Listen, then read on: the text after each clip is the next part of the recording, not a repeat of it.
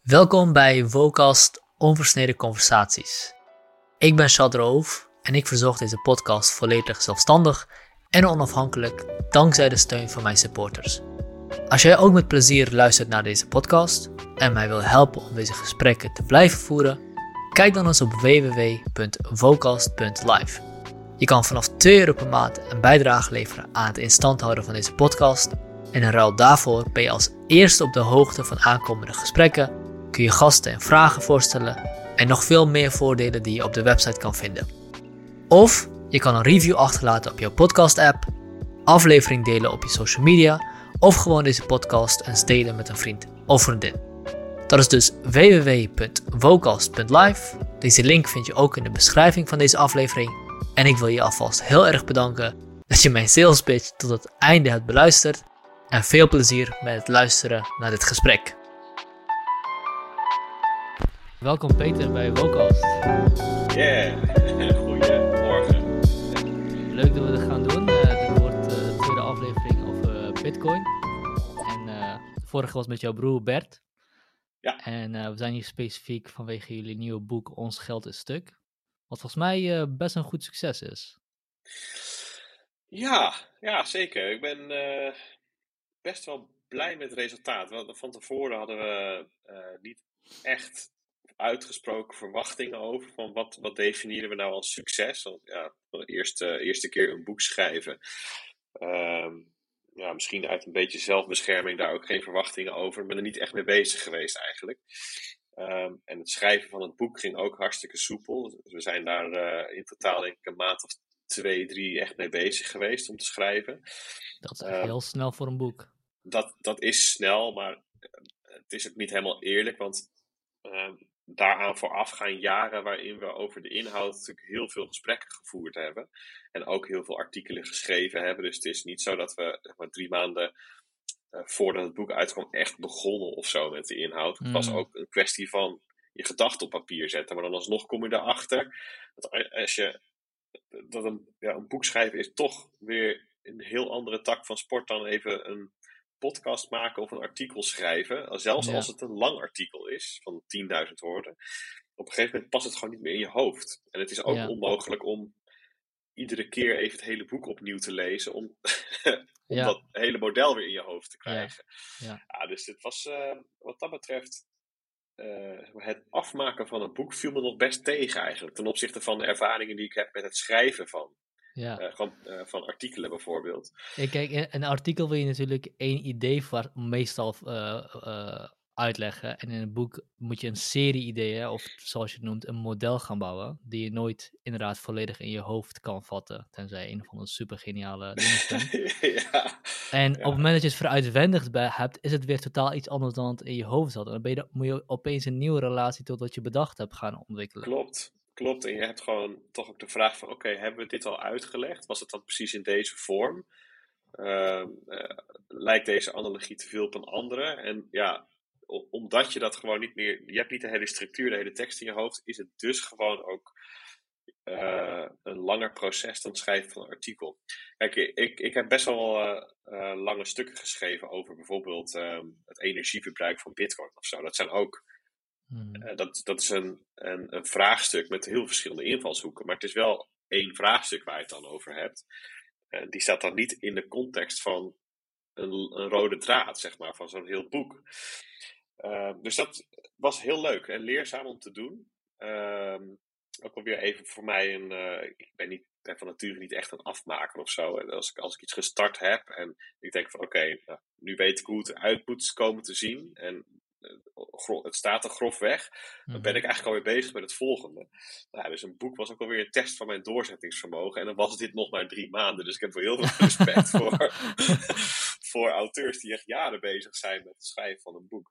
En dat, ja, dat was wel een kers op de taart dat hij dan eh, in de eerste week eh, dat hij uitkwam, gewoon op één in de bestseller top 60 terecht kwam. Ja, Ja, weet je, en, en ook daarvan merkte je weer dat wij daar dus niet echt mee bezig waren. Want dat was voor heel veel mensen veel eh, groter en unieker dan dat wij dat ervaarden. Maar dat komt, ja, weten wij veel hoe speciaal dat is. Maar dat is dus best wel speciaal. Dat je ja, als auteur met je eerste boek überhaupt in de, in de bestseller top zegt, dan komt er dan ook nog op de eerste plek. Nou ja, dus we hebben heel veel eerste keertjes hebben we uh, meegemaakt, zo in, die, uh, in het proces van het schrijven van het boek. Ja, nice. We gaan zo meteen ook wel uh, meer over de inhoud hebben en kijken of, of, of waarom het dan zo uniek en, en aantrekkelijk is voor mensen.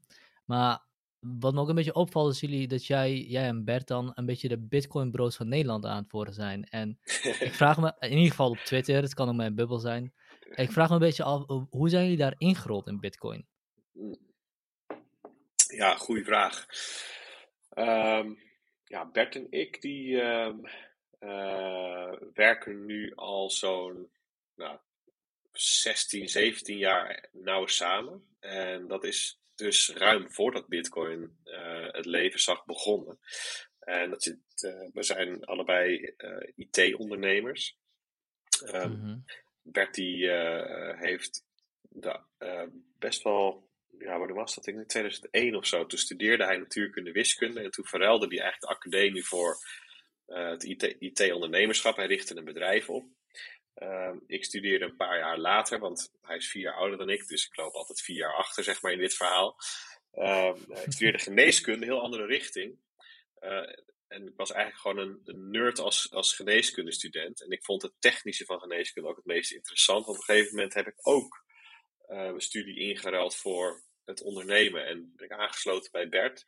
En we hebben eigenlijk in die tijd hebben we gewoon ehm, samen complexe software gebouwd en ontworpen. Ja. Um, en met heel verschillende domeinen in aanraking gekomen. Dus heel veel van de techniek gezien, maar ook van uh, de financiële wereld, maar dan vanuit een technische invalshoek.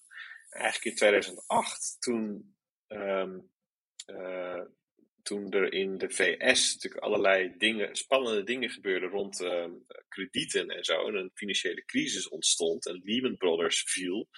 Uh, toevallig was Bert toen in de VS. En hij vertelde toen over uh, zeg maar, hoe dat daar beleefd werd. En wat voor indruk dat maakte. dat was eigenlijk een start van de zoektocht naar van, hoe werkt dat eigenlijk? Hoe kan het nou eigenlijk dat dat zo'n impact heeft? En hoe is dat ontstaan?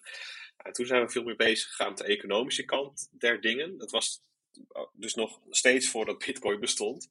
Um, en um, voor ons was het best logisch dat we met Bitcoin in aanraking kwamen, al vrij vroeg ja, je bent techneut en um, je volgt hier en daar een mailinglist en je volgt hier en daar collega's in het veld. En op een gegeven moment komt het bij Tweakers.net terecht. En ja, en vanuit technisch perspectief kwamen we daar vrij vroeg mee in aanraking. En toen, um, ja, dat was dan 2011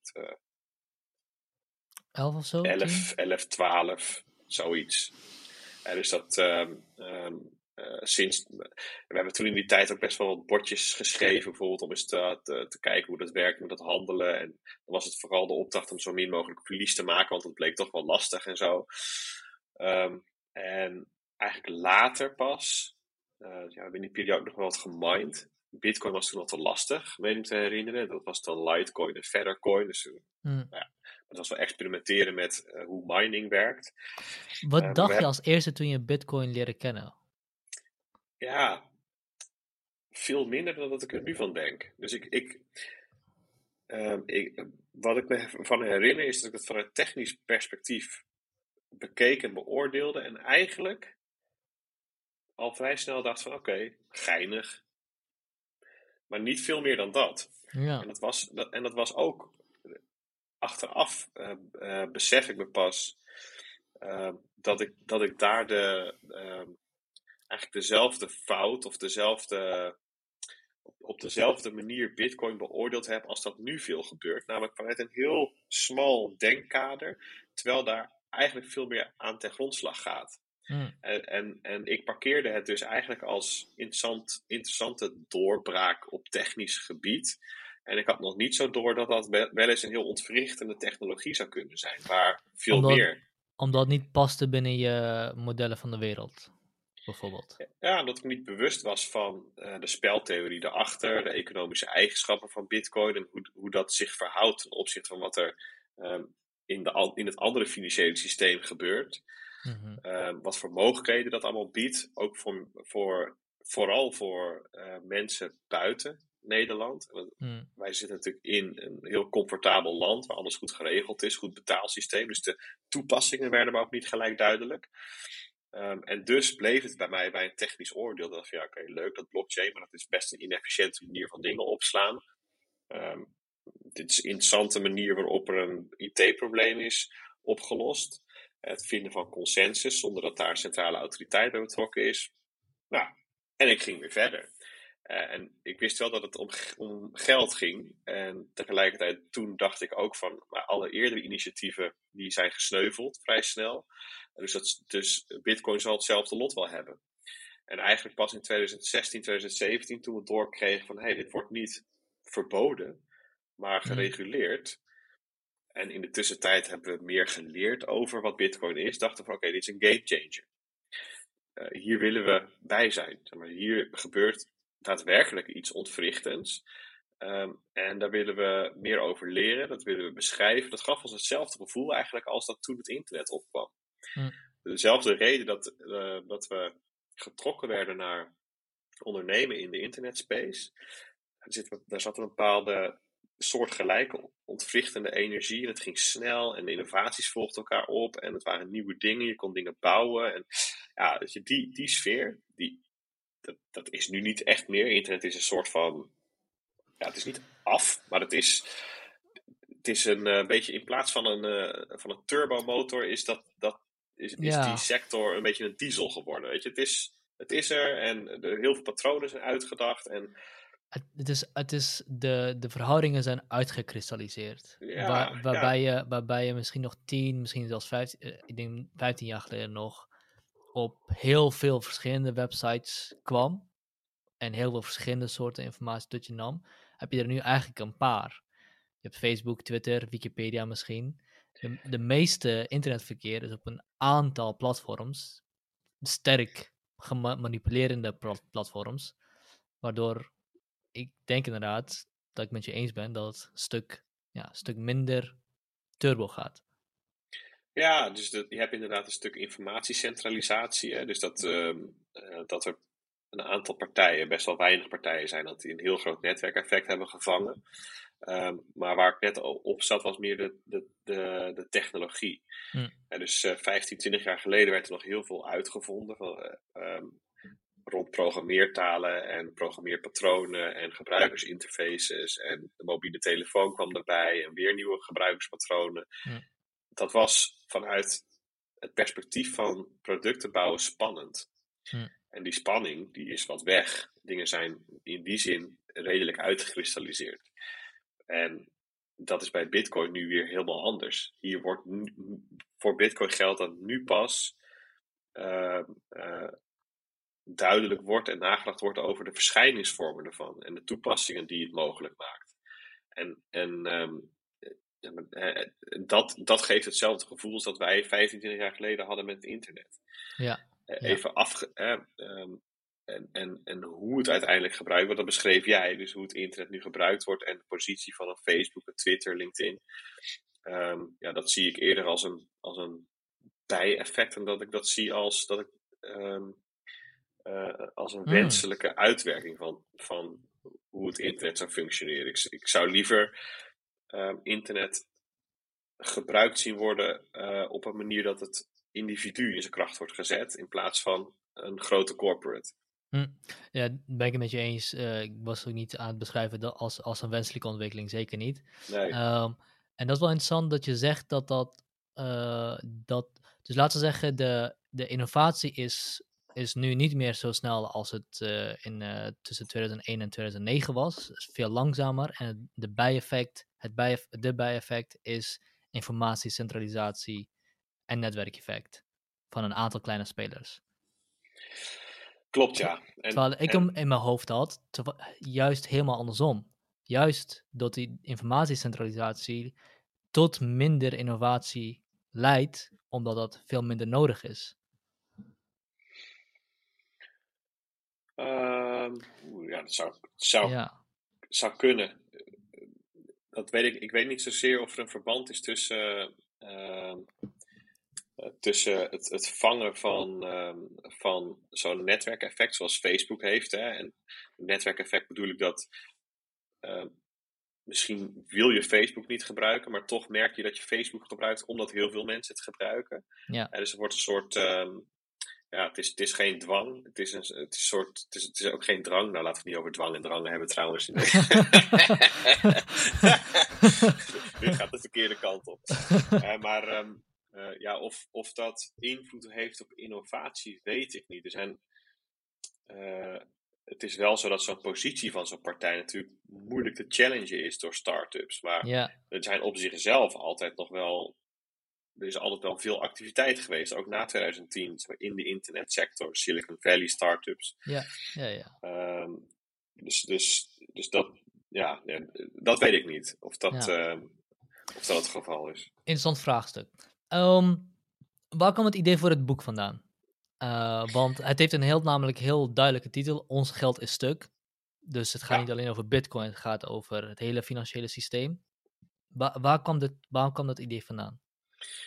Nou, um, ja, wij hebben dus um, eigenlijk sinds 2016, 2017 hebben we met heel veel verschillende mensen en partijen gesproken over Bitcoin als opkomende technologie. Dus niet zozeer over um, de prijs van Bitcoin of het energieverbruik. En dan heb ik het over wat je in de media vaak terugziet, maar over het hele spectrum. Dus, dus wat, is, wat is Bitcoin nou? Hoe kan je daar tegen, hoe, hoe kan je daar tegen aankijken? Wat voor functie kan die spelen?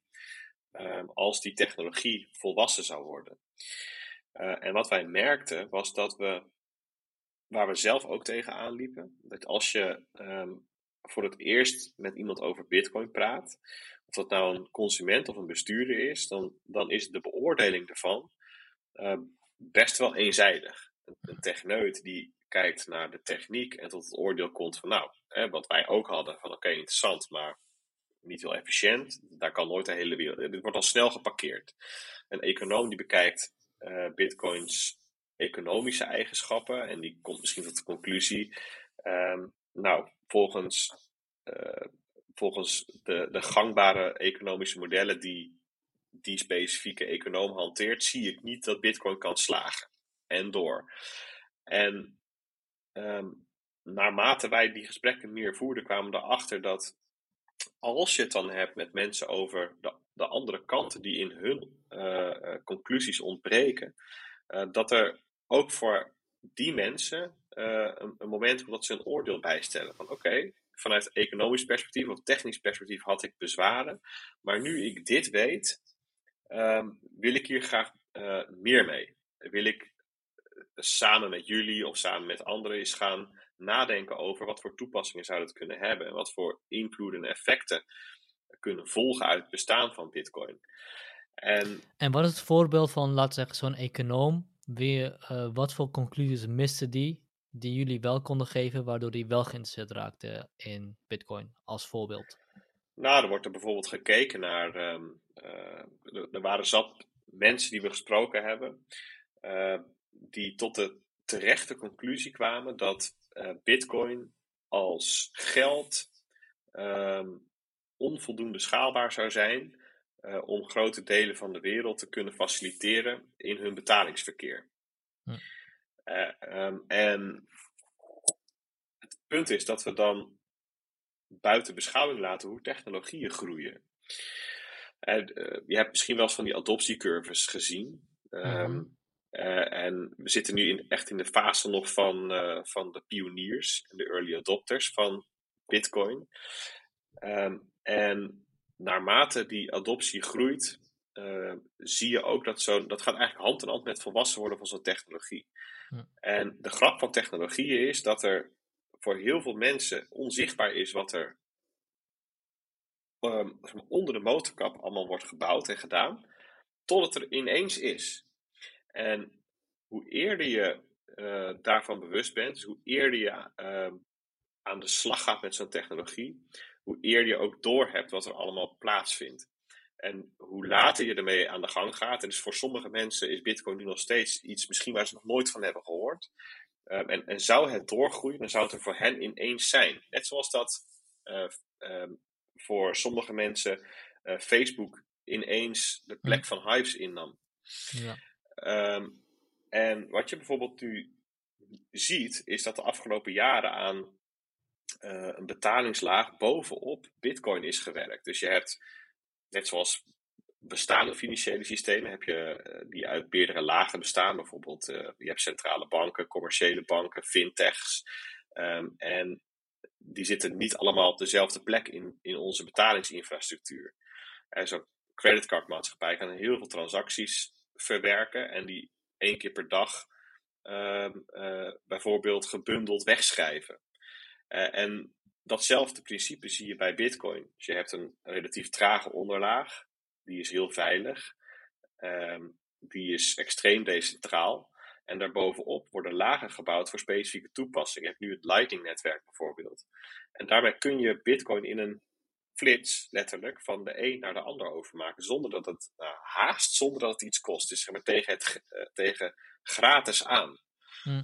Um, en de meeste uh, mensen die we spreken zijn zich daar niet van bewust. Hè? Dus dat Bitcoin dus ook een, uh, uh, een applicatielaag is.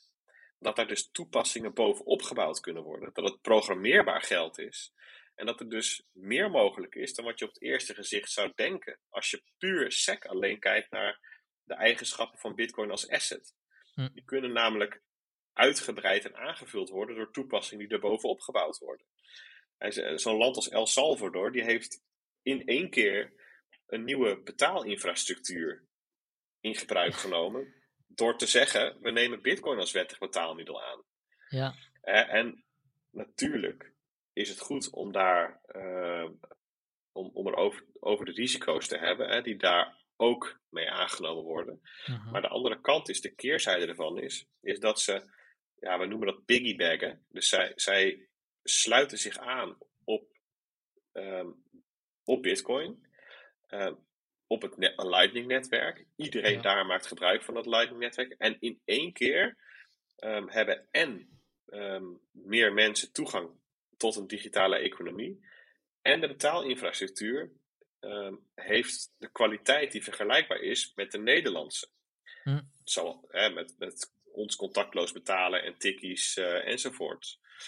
En daarvoor hebben ze eigenlijk niet zo heel veel hoeven te doen.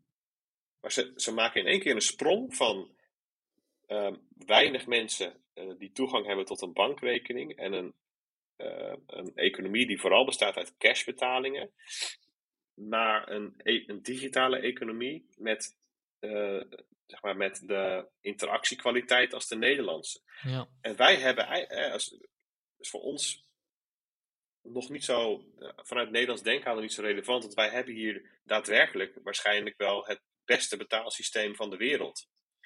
Zodra je bij ons de grens over gaat, wordt het al.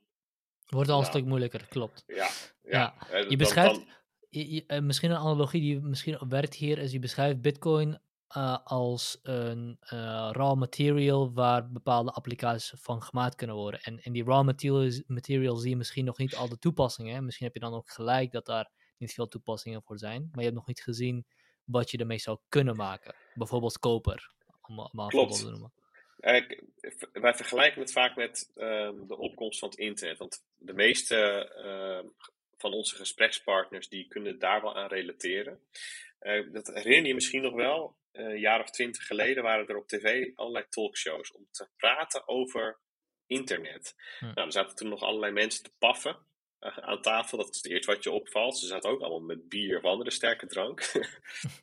de kwaliteit was nog wat minder. Het was, uh, was nog geen Full HD uh, tijdperk, zeg maar. Maar het ging dan over, um, over het internet. En dan waren er een handvol mensen die kwamen vertellen dat het misschien wel eens ontwrichtend kan zijn. Want de rest, die had het over het internet als iets tijdelijks. Als onhandig, traag. Je kan toch beter gewoon een kaartje sturen e-mailt. Het is, waarom zou je dat doen? Hè? Oh ja, uh, criminelen, kinderporno, weet je wel? En dat, dat is zo. Ik herinner me dat ook nog goed. De parallellen tussen de opkomst van Bitcoin als technologie en internet als technologie, die zijn zo sterk. Um, en en toen, toen, die twintig jaar geleden, was het ook heel moeilijk voor te stellen dat internet zo ongelooflijk ja, alledaags zou worden als nu. Ik bedoel, wij nemen nu een podcast op. En we hebben de video bij. Uh, goede audio-kwaliteit. En ja, zonder internet was het niet mogelijk geweest. Mhm. We hebben een, een smartphone.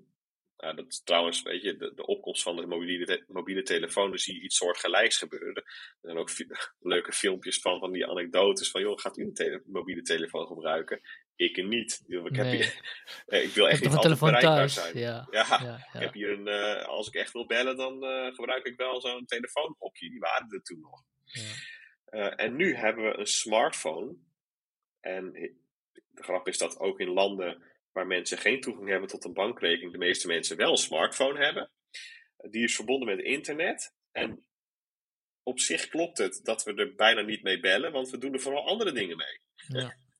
We zijn wel altijd bereikbaar. En ja, we doen dingen met zo'n apparaatje die we ons nooit hadden kunnen voorstellen. En dat punt van voorstellingsvermogen en verbeeldingskracht, ja, dat is bij nieuwe technologie toch een lastig thema. En dat komt zeker in het geval van Bitcoin, omdat het snijvlak van technologie en, en ehm, economie daarbinnen, ja, we hebben daar dus nog niet zoveel voorbeelden van gezien. Is voor het eerst in de geschiedenis dat er een open source, grassroots geld ontstaat. Dat in de digitale wereld is geboren. Dus er is niet een, het is niet gedigitaliseerd, het is ook niet fysiek. Het, het leeft echt op het internet, een first class Ja. citizen van het internet. Ehm, het is dus ook grenzeloos. Iedereen kan ervan gebruik maken. Het is programmeerbaar. Ehm, het is op een protocol gebaseerd. Er kan door niemand beïnvloed worden. Hoe moeten we ons daartoe verhouden? Ja, dan, dan kijk ik even terug naar mezelf. En dan kijk ik als techneut. En dan verhoud ik me daar eenzijdig toe. En dan denk ik aan de econoom die ik spreek. En die verhoudt zich daar eenzijdig toe. En dan ehm, spreek ik met een, een gemiddelde Nederlander. En die verhoudt zich daar heel eenzijdig toe. Kan er niks aan doen, want de berichtgeving erover is ook eenzijdig. En ja, datzelfde eigenlijk bij het internet. Dus je hebt daar. Dat is eigenlijk het belangrijkste. Dit hele verhaal terug te voeren op van waarom we het boek geschreven. Nou, al die eh, gesprekken en ervaringen eh, wij eigenlijk zoiets hadden. Dit moeten we op papier zetten. Hm. Dat had ik namelijk ook heel fijn gevonden in de periode dat het internet opkwam. Dat ik kon lezen, dat ik meegenomen werd door hoe kun je nou kijken naar het internet en hoe is dat potentieel ontwrichtend. Hm. Eh, hoe kun je daar dan rekening mee houden? Ehm, ja, en, en daar zit ook nog een ander belang onder. En dat is dat we de afgelopen jaren. Eh, Dus reden 1 is, is om al die verschillende invalshoeken te bundelen ja, over Bitcoin. ja. Ja, oké. op, een, op een manier ehm, dat voor niet-techneuten en niet-economen ook te volgen is. Ja. We hebben wel gewacht met het schrijven van het boek tot het moment dat we zelf ehm, van, van onszelf vonden dat we het nu zo goed konden uitleggen, of de juiste metaforen hadden gevonden, eh, dat al eh, zeg maar, de complexiteit ervan eh, eenvoudig gemaakt is. Zonder dat je te veel van de nuance verliest. Ja. Dat is altijd het moeilijkste. Ehm, want ik wil ook graag dat ehm, het koffietijdpubliek, zeg maar, eh, waar heel veel mensen tussen zitten die eigenlijk zeggen van nou, bitcoin is de eerste technologie die ik aan me voorbij laat gaan. Mijn kinderen, of mijn kleinkinderen zijn er wel mee bezig, maar ik begrijp het niet. Zou het op zich wel willen begrijpen, maar het is te ver van mijn bed. Mhm. Eh, en dat is, is, is zonde, want het heeft ook betrekking op hun. Hè, en ehm, ja, ik denk nu gelijk, we hebben bij koffietijd gezeten toevallig, over het boek. Dat is de reden dat ik het noem. En daar hebben we zulke leuke reacties op gehad. Ehm, tot op het punt dat mensen zeggen, ja, bitcoin houdt me jong. Ja, daar bedoelen ze niet mee dat bitcoin nou per se hun jong houdt. Of dat je haar er weer van gaat groeien. Of je grijze haren bruin worden. Ehm, maar door het boek te lezen, komen ze erachter van, oké, ik begrijp nu wat er aan de hand is. En waarom er bedrijven zijn die er iets mee doen. En waarom een kinderen hier zich toe aangetrokken voelen enzovoort. Ah, dat vind ik gewoon een heel leuk compliment. Ja. Maar dat terzijde, de tweede eh, belangrijke reden dat we het geschreven hebben, is dat we om ons heen zien, en dat is eigenlijk al een proces dat sinds 2008 is ingezet, dat er ehm, rond, zeg maar, in ons geld, dat we, eh, ook, ook de euro, maar eigenlijk al het geld wereldwijd, dat daar scheuren in zitten. En dat er op verschillende manieren aan gewerkt wordt om die scheuren weg te nemen. Ehm, en wij zien grofweg drie manieren waarop dat gebeurt. Centrale banken, overheden zijn daarmee bezig. Nou, die zijn bezig met digitaal centrale bankgeld. Heb je misschien wel eens wat over gehoord? Uh, Big Tech zijn ermee bezig. Hmm. Het beste voorbeeld is denk ik Facebook met de Libra. Tegenwoordig Meta met de DM. ik weet niet precies ja, waar Ja, ik hoop dat je me dat ook kan uitleggen. Want ik, ik, ik snap het helemaal Ik dacht, dat, ik dacht dat we eerst Web 3.0 kregen. Maar nu heet het volgens mij Metaverse. En, en Facebook maakt mee. Ik snap er echt niks van. Maar laten uh, gaan we verder met deze drie voordat daar precies. komen. En, en, en de derde is dus die open source beweging. En dus dat er een, uh, een grassroots open, transparant geld ontstaat. En dat is niet, dat, dit, dit gebeurt gewoon. Hè? Dit is niet dat, je, dat er, dat er uh, een keuze is of zo. Zeg maar. dit, dit is nu aan de hand. En dan vinden we ook, dan, dan moeten we ons daartoe uh, verhouden. En dan vinden we ook dat het op een genuanceerde manier moet. Je kunt niet meer uh, met droge ogen zeggen van ja, Bitcoin is niks. Um, daar hoeven we niks over te weten. Laten we dat ridiculiseren en uh, maar gewoon even terzijde schuiven. Ja, dat is maar even, over die scheuren in ons geld. Wat, wat zijn die scheuren? Wat voor scheuren zitten erin? Ja, precies. Hè? Dus, dus dat is de context waarin wij Bitcoin hebben geplaatst. De scheuren van het geld, ons geld is stuk. Nou, en wat we dan zien uh, is bijvoorbeeld um, dat ons geld de functie heeft verloren van uh, het behouden van waarde. Hè, dus um, als jij nu 10.000 euro op de bank hebt staan, dan kun jij daar over 10 jaar niet voor kopen wat je daar nu voor zou kunnen kopen. Ja. dus het oppotten van waarde over tijd, dat is van oudsher een superbelangrijke functie geweest van geld. Dus ik, misschien wel de allerbelangrijkste, omdat je, uh, omdat je daarmee, uh, dat beïnvloedt namelijk je beslissingen over je toekomst en je planning.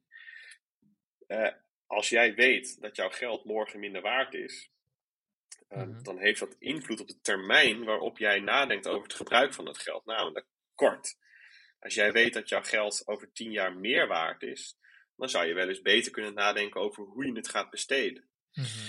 Nou, en um, die functie van oppotmiddel, dat, dat is eigenlijk wereldwijd, om, door allerlei invloeden is dat uh, op de achtergrond geraakt. Ja, maar, um, maar, nu heb je het over inflatie, maar is inflatie niet een inherent onderdeel van elk geldsysteem? Um, nee, dat hoeft niet.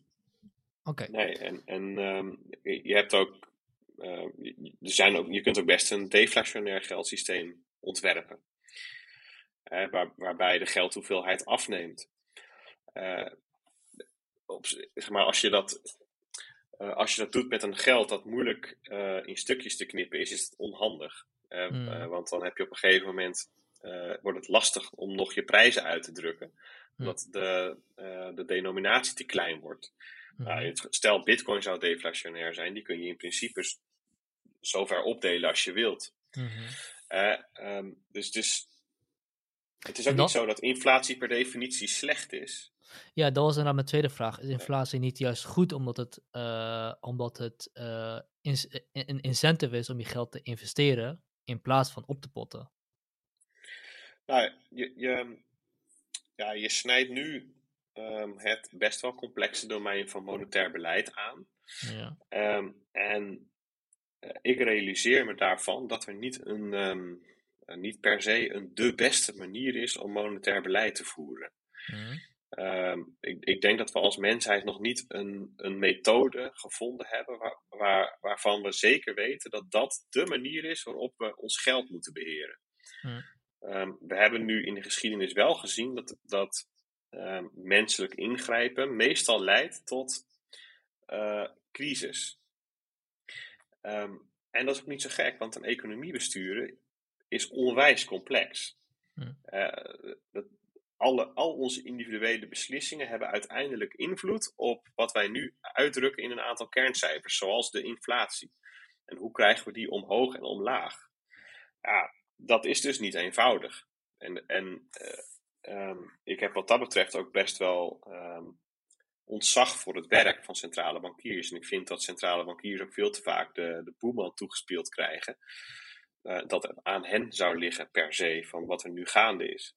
Hm. Al, alleen al het feit dat we, dat, dat we één munt hebben voor het hele eurogebied, ja, dat, dat levert zoveel complexiteit op. Omdat er grote verschillen zijn tussen de, tussen de ja, ik zal maar even zeggen, de economische activiteit van de verschillende landen die eraan uh, aan meedoen. In Nederland heb je veel vergrijzing. Nou, vergrijzing werkt heel deflationair. Jij probeert dan de inflatie maar op, hoog te houden. Want daartegenover zou eigenlijk economische groei moeten staan. Anders verliest geld zijn waarde. Uh, hè, en dan krijg je echt de situatie waar we nu in zitten. Hm. het ideaal is als je hoge inflatie hebt, dat daar hoge economische groei tegenover staat. En dat de lonen meestijgen enzovoort. Dan is inflatie niet zo erg tussen aanhalingstekens. Dus het, uiteindelijk zijn we nu in een situatie beland. Um, om redenen. En dat, dat, daar kun je uren over praten welke redenen dat zijn. Um, dat centrale banken eigenlijk zeggen we zitten klem. Wij hebben wel gereedschappen om de economie, economie te uh, besturen. We hebben knoppen voor. Bijvoorbeeld um, het instellen van rentes. Uh, daarbij kunnen we een poging doen om de economie te versnellen of te vertragen. Alleen het gebruik van die knoppen die hebben eigenlijk geen effect meer. Die zijn bot geworden. Hmm. En dat komt omdat, daar, omdat er tegenwoordig hele hoge schuldenbergen tegenover staan. Dus als we de rente verhogen, dan nemen de schuldenlasten toe. Ja, en het is maar de vraag of die gedragen kunnen worden. En maar als we de rente laag houden, ja, dan maken we lenen aantrekkelijk en dan nemen die neemt de schuldenberg nog in, meer in omvang toe. Hoe kunnen we daar nou uitkomen? Ja, dat is eigenlijk ook een, een, een, ehm, eh, een politieke kwestie. Want het mandaat van de centrale bank gaat maar zo ver. Dus eigenlijk zeggen zij van, jongens, wat wij kunnen doen is de economie op gang houden. Wij kunnen ervoor zorgen dat de trein blijft, blijft rijden. Maar we gaan wel af op een muur. Weet je, die, die, maar de route wordt bepaald door de politiek. En die muur is de Schuldenberg. Um, de muur is het moment dat, uh, dat de instrumenten van centrale banken zo weinig invloed meer hebben dat je uh, bijvoorbeeld in een type recessie belandt. Hm. Of een type depressie als dat wereldwijd is. En dat het, dat, um, dat het dus concreet pijn gaat doen. Dat je dus in een crisis terechtkomt. In een schoksgewijze um, correctie van wat er de afgelopen 40, 50 jaar aan economisch beleid is gevoerd. En nou, dan wil ik voorzichtig zijn door, met zeggen dat het, dat, dat aan centraal, centrale bankiers ligt. Uh, want uiteindelijk zijn het de politieke beslissingen die, die onder andere bepalen wat centrale bankiers mogen en kunnen doen. Hmm. Uh, um, je zou bijvoorbeeld um, uh, nou, even een ander, ander scheurtje in ons geld. Mhm. Dus inflatie is één, de, de uit, uit, de hand gelopen inflatie is er één van. Of bedoel je, bedoel je meer dat de knoppen bot zijn geworden van... Uh... Um, ja, dat, dat, dat zit achter dat, um, um, dat rentes jaar op jaar gedaald zijn. En uiteindelijk nu inflatie een probleem aan het worden is. En dat de uitkomst daarvan is dat ons geld niet zo goed meer is in het vasthouden van waarde. Ja. En dat sparen dus moeilijk is geworden. Ja. Of ja, maar, oh, zinloos geworden. Een zinloos. Beetje, toch? En het kost geld. en dat um, bijvoorbeeld um, het kopen van een huis voor een jongere eigenlijk niet meer te doen is. As starters. Uh, en dat heeft allemaal te maken met de stand van die knoppen op het paneel van de centrale bankier. Maar het lullige is dat de centrale bankier niet de knoppen heeft binnen het mandaat die het eigenlijk zou nodig hebben om daar verandering in te maken. Daar, daar moet de politiek namelijk over beslissen. En het lastige daarvan is weer dat, um, dat daar in potentie heel onaantrekkelijke beslissingen tussen zitten voor politici. Uh, even afgezien nog van dat de Nederlandse politici daar helemaal geen invloed op hebben. Daarom is het voor hun ook zo'n ver van een bedshow. Dat is iets wat in Europa beslist moet worden. Hm voordat dat een keer gebeurt, nou ja, weet je, dus er zit. Um, Als de centrale bankiers volledig mandaat zouden hebben, wat voor oplossingen zouden ze kunnen uitvoeren? Of... Nou, dan, dan eh, stel um, er zou aan knoppen gedraaid kunnen worden die betrekking hebben op uh, fiscaal beleid. Mm dus um, uh, dat hoe we met ons geld omspringen beïnvloed kan worden door bijvoorbeeld de lokale belastingen. Ehm, dan kan er veel fijnmaziger invloed uitgeoefend worden op de economie. In plaats van dat zij, zij draaien nu eigenlijk aan knoppen die, ja, dat je zou ze kunnen zien als uh, bazooka's. Hm. Ze, ze proberen door met groots ingreep, een grootse ingreep de hele economie te beïnvloeden. Terwijl er misschien uh, door op specifieke plekken in de, in de economie invloed uit te oefenen, wel veel groter effect gesorteerd kan worden. Uh, dus um, de rente staat op nul. Uh, er is nog wel stimulering nodig van de economie. Um, aan fiscaal beleid kunnen ze, kunnen ze niet zitten. Dat is namelijk in handen van de politiek en ook nog eens lokaal. Want Europa is namelijk geen fiscale unie. Um, dus ze kunnen onmogelijk zeggen, joh, in Nederland moet dit gebeuren. En ja, dan zeggen Nederlandse politici, joh, daar gaan wij over. En dus zorgen jullie nou maar gewoon voor dat, uh, dat de euro overeind blijft. Nou, dat proberen ze dan eens. Er komen er opkoopprogramma's. En het, e-, het effect van, dat, van opkoopprogramma's is onder andere dat um, uh, de geldhoeveelheid zodanig toeneemt dat je dat terugziet in de aandelen bijvoorbeeld. Die worden onwijs, de waarvan de prijzen stijgen, maar ook de huizenprijzen. Dat heeft dan weer effect op, concreet effect op wat we hier in Nederland zien. Het, het, het, in de huizenprijzen. En dat, dat komt weer omdat er um, heel veel beleggers op zoek zijn naar rendement. Want ja, uh, um, obligaties, noem maar iets, ja, die zijn uh, die leveren eigenlijk niks meer op. Ja. Dus er, is heel veel geld op zoek naar rendement. Ah, en, en, vastgoed is best interessant om in te beleggen als je op zoek bent naar rendement in deze marktomstandigheden.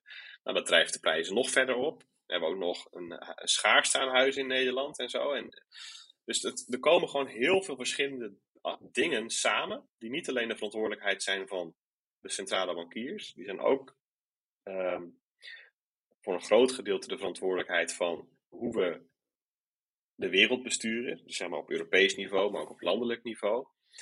En die dingen liggen best wel ver uit elkaar, waardoor, waardoor de oplossing niet meer bij één partij ligt. Um, en nou, dat, dat zie je dan terug, uh, onder andere in Nederland, door, uh, door sparen meer nuttig is, dat huizenprijzen oplopen, dat vermogensverdeling steeds schever raakt. Dus de rijken worden rijker, armen worden armer. Dus de als je het hebt over vermogen, dan zie je eigenlijk een, dat de middenklasse min of meer het verdwijnen is. Dat je een dikke onderlaag krijgt en een dunne bovenlaag. Maar die bovenlaag heeft wel heel veel geld. En dus degene die bezit, die krijgt meer te bezitten. Uh, en ja, dat is ook stuk. Ik bedoel, dat, hè, en nou, specifiek dit is ook niet op te lossen door een centrale bank. Dat is helemaal een fiscale aangelegenheid. Het gaat namelijk over verdeling en misschien herverdeling.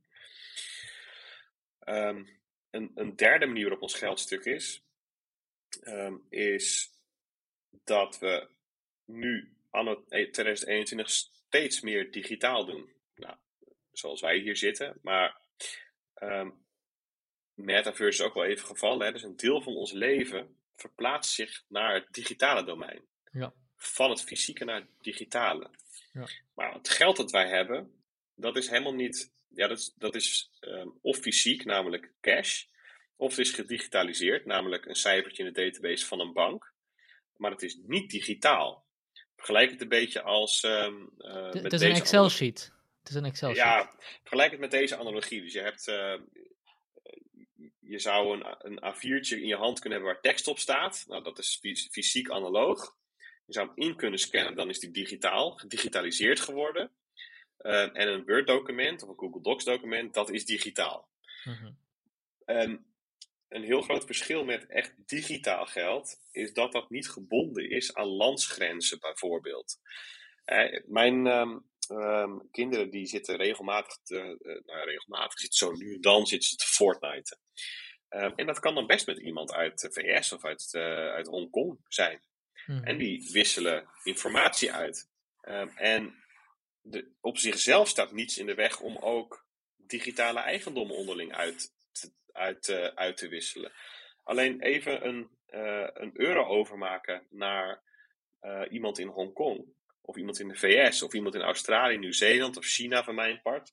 Dat kan helemaal niet. Je kunt niet elkaar een, sticky, een tikkie sturen of zo. Mm-hmm. Maar er is nog een hele. Wat, wat het internet heeft bereikt voor informatie, voor geld is dat nog niet gelukt.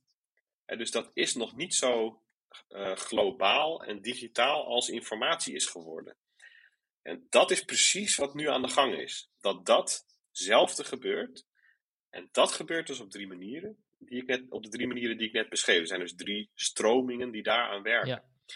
Nou, en als het, we hebben het nu over drie manieren op ons geldstuk is in Nederland, in Europa.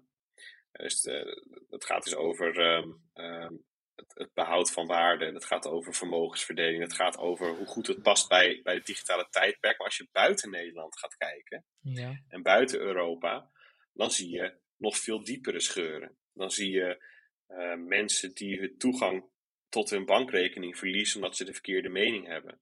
Mensen die te arm zijn om überhaupt een bankrekening te hebben. Um, ehm, 4 miljard mensen die onder een autoritair regime leven. Um, geloof anderhalf miljard mensen zonder bankrekening, waarvan een groot deel wel een smartphone heeft. Um, mensen die onder uh, tientallen of zelfs honderden procenten inflatie leven. Uh, en de grap is, ja, misschien is het helemaal niet grappig, dat in een aantal van die regio's je ziet dat die mensen Bitcoin in gebruik hebben genomen, ondanks dat er nog allerlei bijwerkingen aan verbonden zitten, bijvoorbeeld volatiliteit. Hmm. Ja, waarvan wij zeggen, joh, dat, dat is echt heel onhandig. Maar van die mensen zeggen van, nou, maar het is beter dan het alternatief. Ja. En dat is wat wij bedoelen met, uh, je moet ook uit je eigen belevingswereld en even uit de Nederlandse ivoren toren kunnen stappen om te zien uh, waarom Bitcoin als netwerk en als technologie en als, als ding zeg maar, aan het groeien is. Dat komt omdat er veel meer mensen zijn die er nu al wat aan hebben, dan mensen zijn uh, die leven zoals wij. In een uh, heel comfortabel, goed geregeld, geregeld in een land waar alles goed geregeld is. Ja, ja. Ik wil heel, even een klein zijstapje maken. want want één vraag die bij me opkwam was toen je het had over, en vooral te terugkomen naar de toepassingen van Bitcoin buiten een omgeving waarin het geldsysteem al heel goed op orde is. Want je zei namelijk, het internet gaat over, over landsgrenzen heen. En ik vraag me af of dat volledig waar is. Want het internet bestaat natuurlijk uit databases en kabels. Voor een groot deel. en protocollen natuurlijk. Dus, en satellieten. En satellieten. Dus is het niet zo dat het internet alleen zo ver kan gaan als die kabels aan, en databases gaan, kunnen gaan en, en, en satellieten. En daarbij, is dat ook een begrenzing voor Bitcoin of niet? Ja, zeker. Uh, dus het, het, klopt, hè? dus het internet is um, beperkt tot de infrastructuur die we zelf aanleggen. Laten we even zo formuleren. Uh, dus um, er zijn regio's op de wereld waar gewoon geen signaal te ontvangen is. Nou, Oké, dat weet ik niet zeker. Ik weet niet of, je, of, of, je, of er plekken op de wereld zijn waar je ook geen satellietverbinding kunt opzetten. Maar laten we. Waarschijnlijk zijn die er wel. Um, maar da, da, daar staat tegenover dat dat inmiddels is, is het internet zo ontzettend um, diep in de samenleving verankerd, dat het ook onwaarschijnlijk is dat hoe wijdverbreid het nu is, versmalt gaat worden in de toekomst. Mm. Uh, dus Um, het klopt dat Bitcoin heeft een harde afhankelijkheid van het bestaan van het internet. En ook het bestaan van energie trouwens, die twee dingen. Meer heb je niet nodig. Um, zou een van de twee verdwijnen, dan verdwijnt Bitcoin ook. Um, en het klopt ook dat er, neem zoiets als El Salvador.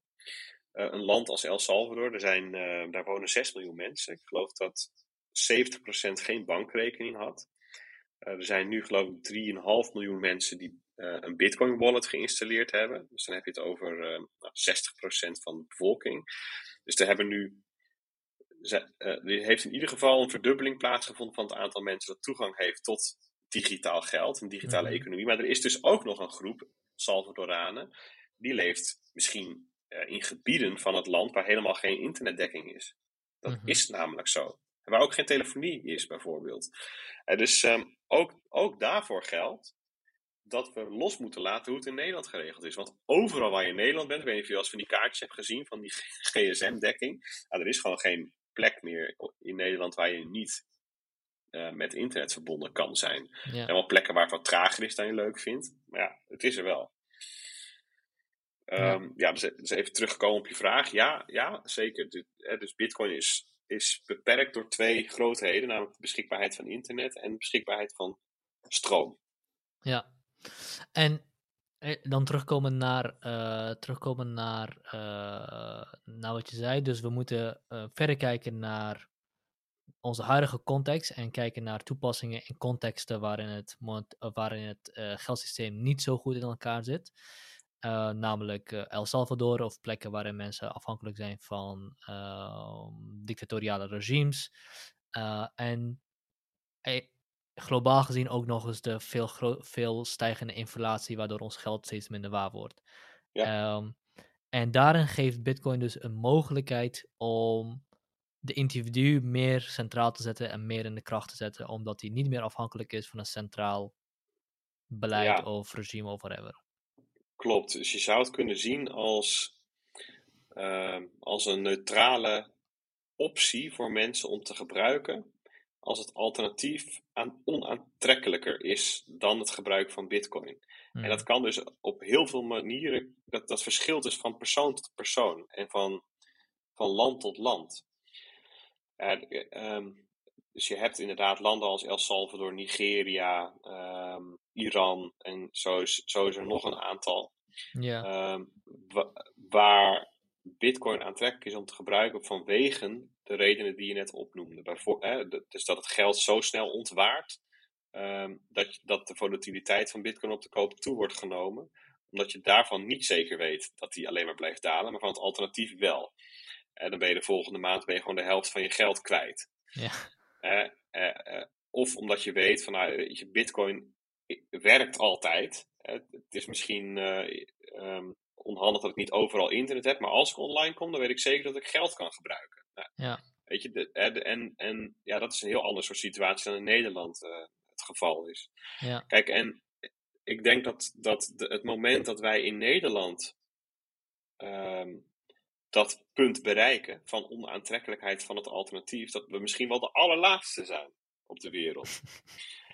ik, ik zie nog eerder dat dat uh, um, gebeurt omdat monetair beleid hier uit de hand loopt, dan dat dat te maken heeft met um, uh, hoe makkelijk het is om met Bitcoin te kunnen betalen, bijvoorbeeld. Ja. Hoewel, we hebben, um, we maken zelf ook een podcast, de Toshi Radio. En wij ontvangen nou, eigenlijk iedere week gewoon donaties van mensen. En die komen soms ook uit uh, een donatie uit China. Dan stuurt iemand een eurotje in Bitcoin. Ja, dat kan helemaal niet met euro's. Nee. Hè, dus, dus daar wordt al gebruik van gemaakt. Zeg maar, ja, omdat toevallig Bitcoin die use case gewoon beter invult dan het alternatief. Ja. Maar dat is niet een, een grootschalige toepassing per se. Nee. Dat zie je dan wel weer, um, bijvoorbeeld van um, uh, uh, Venezolanen die in de VS werken, maar, maar wekelijks geld terug naar huis sturen. Die gebruiken liever Bitcoin dan dat ze hun dollars moeten omzetten naar lokale valuta en daar gewoon uh, een flink deel van hun verdiende geld aan verliezen. Ja. En dus dat is ook, ook een voorbeeld van een toepassing van Bitcoin die nu al door miljoenen mensen gebruikt wordt. De remittances noemen we dat. En dus de vraag die ik dan wil stellen is: als Bitcoin afhankelijk is van stroom en internet, die onder controle zitten van die centrale, als voorbeeld centrale dictatoriale, dictatoriale regimes. Hoeveel, hoe, hoe ver kan de, kan de kracht van Bitcoin dan gaan om individuen centraal te zetten? Als, de als die afhankelijk is van twee dingen die wel centraal geregeld zijn. Ja, dat is een hele goede vraag. Uh, dus hier, hier raken we ook een klein beetje um, de speltheorie um, die van toepassing is op Bitcoin dus er zijn zo ontzettend veel belangen mee gemoeid. Um, die niet alleen betrekking hebben op Bitcoin. Hoor. Maar neem zo'n land nu. Neem, nou, laten we gewoon weer even naar El Salvador gaan. Daar hebben ze deze week hebben ze, uh, de bouw van een Bitcoin-stad aangekondigd. Ja. Uh, en dus ze gaan een, een, die komt naast een vulkaan te liggen. What could possibly go wrong? um, maar, maar op de vulkaan wordt een geothermiecentrale gebouwd. Um, die gaat de stad van stroom voorzien, maar ook een mining farm van Bitcoin. Um, en dat is natuurlijk een grote marketing stunt. Mhm. Het is wel serieus, maar het is een slimme marketeer, die president daar. Want die haalt daarmee natuurlijk gewoon economische activiteit naar het land. Ja. En dan dan gaan bedrijven gaan zich vestigen, misschien mensen die het leuk vinden om daar te, te wonen, want er zijn ook allemaal belastingvoordelen die beloofd worden enzovoort. Ehm, maar dat belang van El Salvador om economische activiteit naar het land toe te halen, zorgt er wel voor dat er daar een geothermiecentrale, zeg maar de warmte van een vulkaan, omgezet wordt naar stroom en dat daarmee miners aangezet worden die het Bitcoin-netwerk draaien, in feite. En zo heb je overal op de wereld heb je lokale belangen, dan wel ehm, de meeste natuurlijk gewoon egoïstisch en economisch, eh, zijn economische belangen, om eh, van Bitcoin gebruik te maken of om miners te draaien ehm, die het Bitcoin-netwerk beveiligen en de transacties mogelijk maken. Eh, en het is heel onwaarschijnlijk dat, ehm, dat wereldwijd, zeg maar overal, ehm, het bestaan van miners, want die zijn nodig voor het Bitcoin-netwerk, ehm, zeg maar onmogelijk gemaakt wordt. Hm. Want ja, als het ene land zegt van jullie zijn bij ons niet meer welkom, zegt een ander land, oh maar bij ons wel, want die zien namelijk een hele industrie naar hen toe komen, dat is goed voor hun economie. Ja, en zo heb je dus allemaal arbitrage tussen landen en, en de verschillende belangen van die landen. En ja, de enige mogelijkheid om dat te stoppen is als je met z'n allen afspreekt om het niet toe te staan. Op de een of andere manier. Ja, gaat dat nog gebeuren? Ik zie het niet zo eigenlijk. Die, die, Hmm. De geest is zo uit de fles al. Maar er is ge- gekozen om het bestaan van Bitcoin te, te accepteren, te reguleren. Met, met de VS notabene eigenlijk als karttrekker inmiddels daarvan. Ja, ja wat, wat is dan nog de, de mogelijkheid dat, ehm, dat deze situatie, waarbij er nou, 1200 miljard aan waarde in een asset opgeslagen zit, waarbij, er, waarbij het, ehm, de, het als asset in wetgeving is opgenomen, hè, dus, dus gelegaliseerd is, waarbij er industrieën omheen zijn ontstaan, waarbij er bedrijven, investeerders, beleggers, pensioenfondsen, consumenten het in bezit hebben, eh, dat er dan nog gezegd wordt, we gaan het met z'n allen wereldwijd verbieden, of stoppen, of Ja. eh, onmogelijk maken. Ja. Ik denk dat dat een gepasseerd station is. Ja, dit zei volgens mij Bert ook eh, namelijk, dat in 2016, 17 het nog mogelijk was, maar dat nu, nu, nu niet meer kan. 2016 is er gekozen om te reguleren in plaats van te verbieden. Nou ja, nu, nu zijn de belangen zo groot geworden.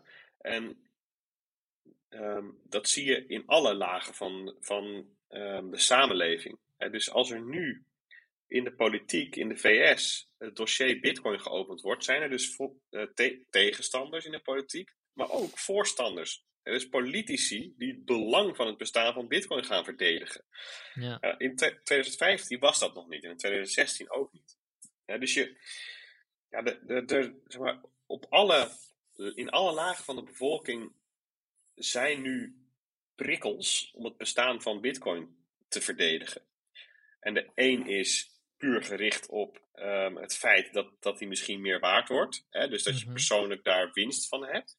En de ander die doet het vanuit ehm, misschien humanitaire oogpunt, omdat, ze, omdat het belangrijk is dat iemand in Venezuela nu al, nu een mogelijkheid heeft om uit te stappen uit het financiële systeem dat daar door de overheid wordt opgelegd. En ja, en alles ertussenin. Ja, en ja, die belangen die zijn er. En ja, die gaan niet ineens weg. Eh, En dat is ook de reden eh, dat wij zoiets hadden van nou, het is leuk dat overheden en, en centrale banken bezig zijn met geld en dat big tech ermee bezig zijn, maar er is nog iets. En die kunnen we niet negeren. We moeten ons daar als Nederland ook toe verhouden. En als bedrijfsleven en als toezichthouders en als Europa.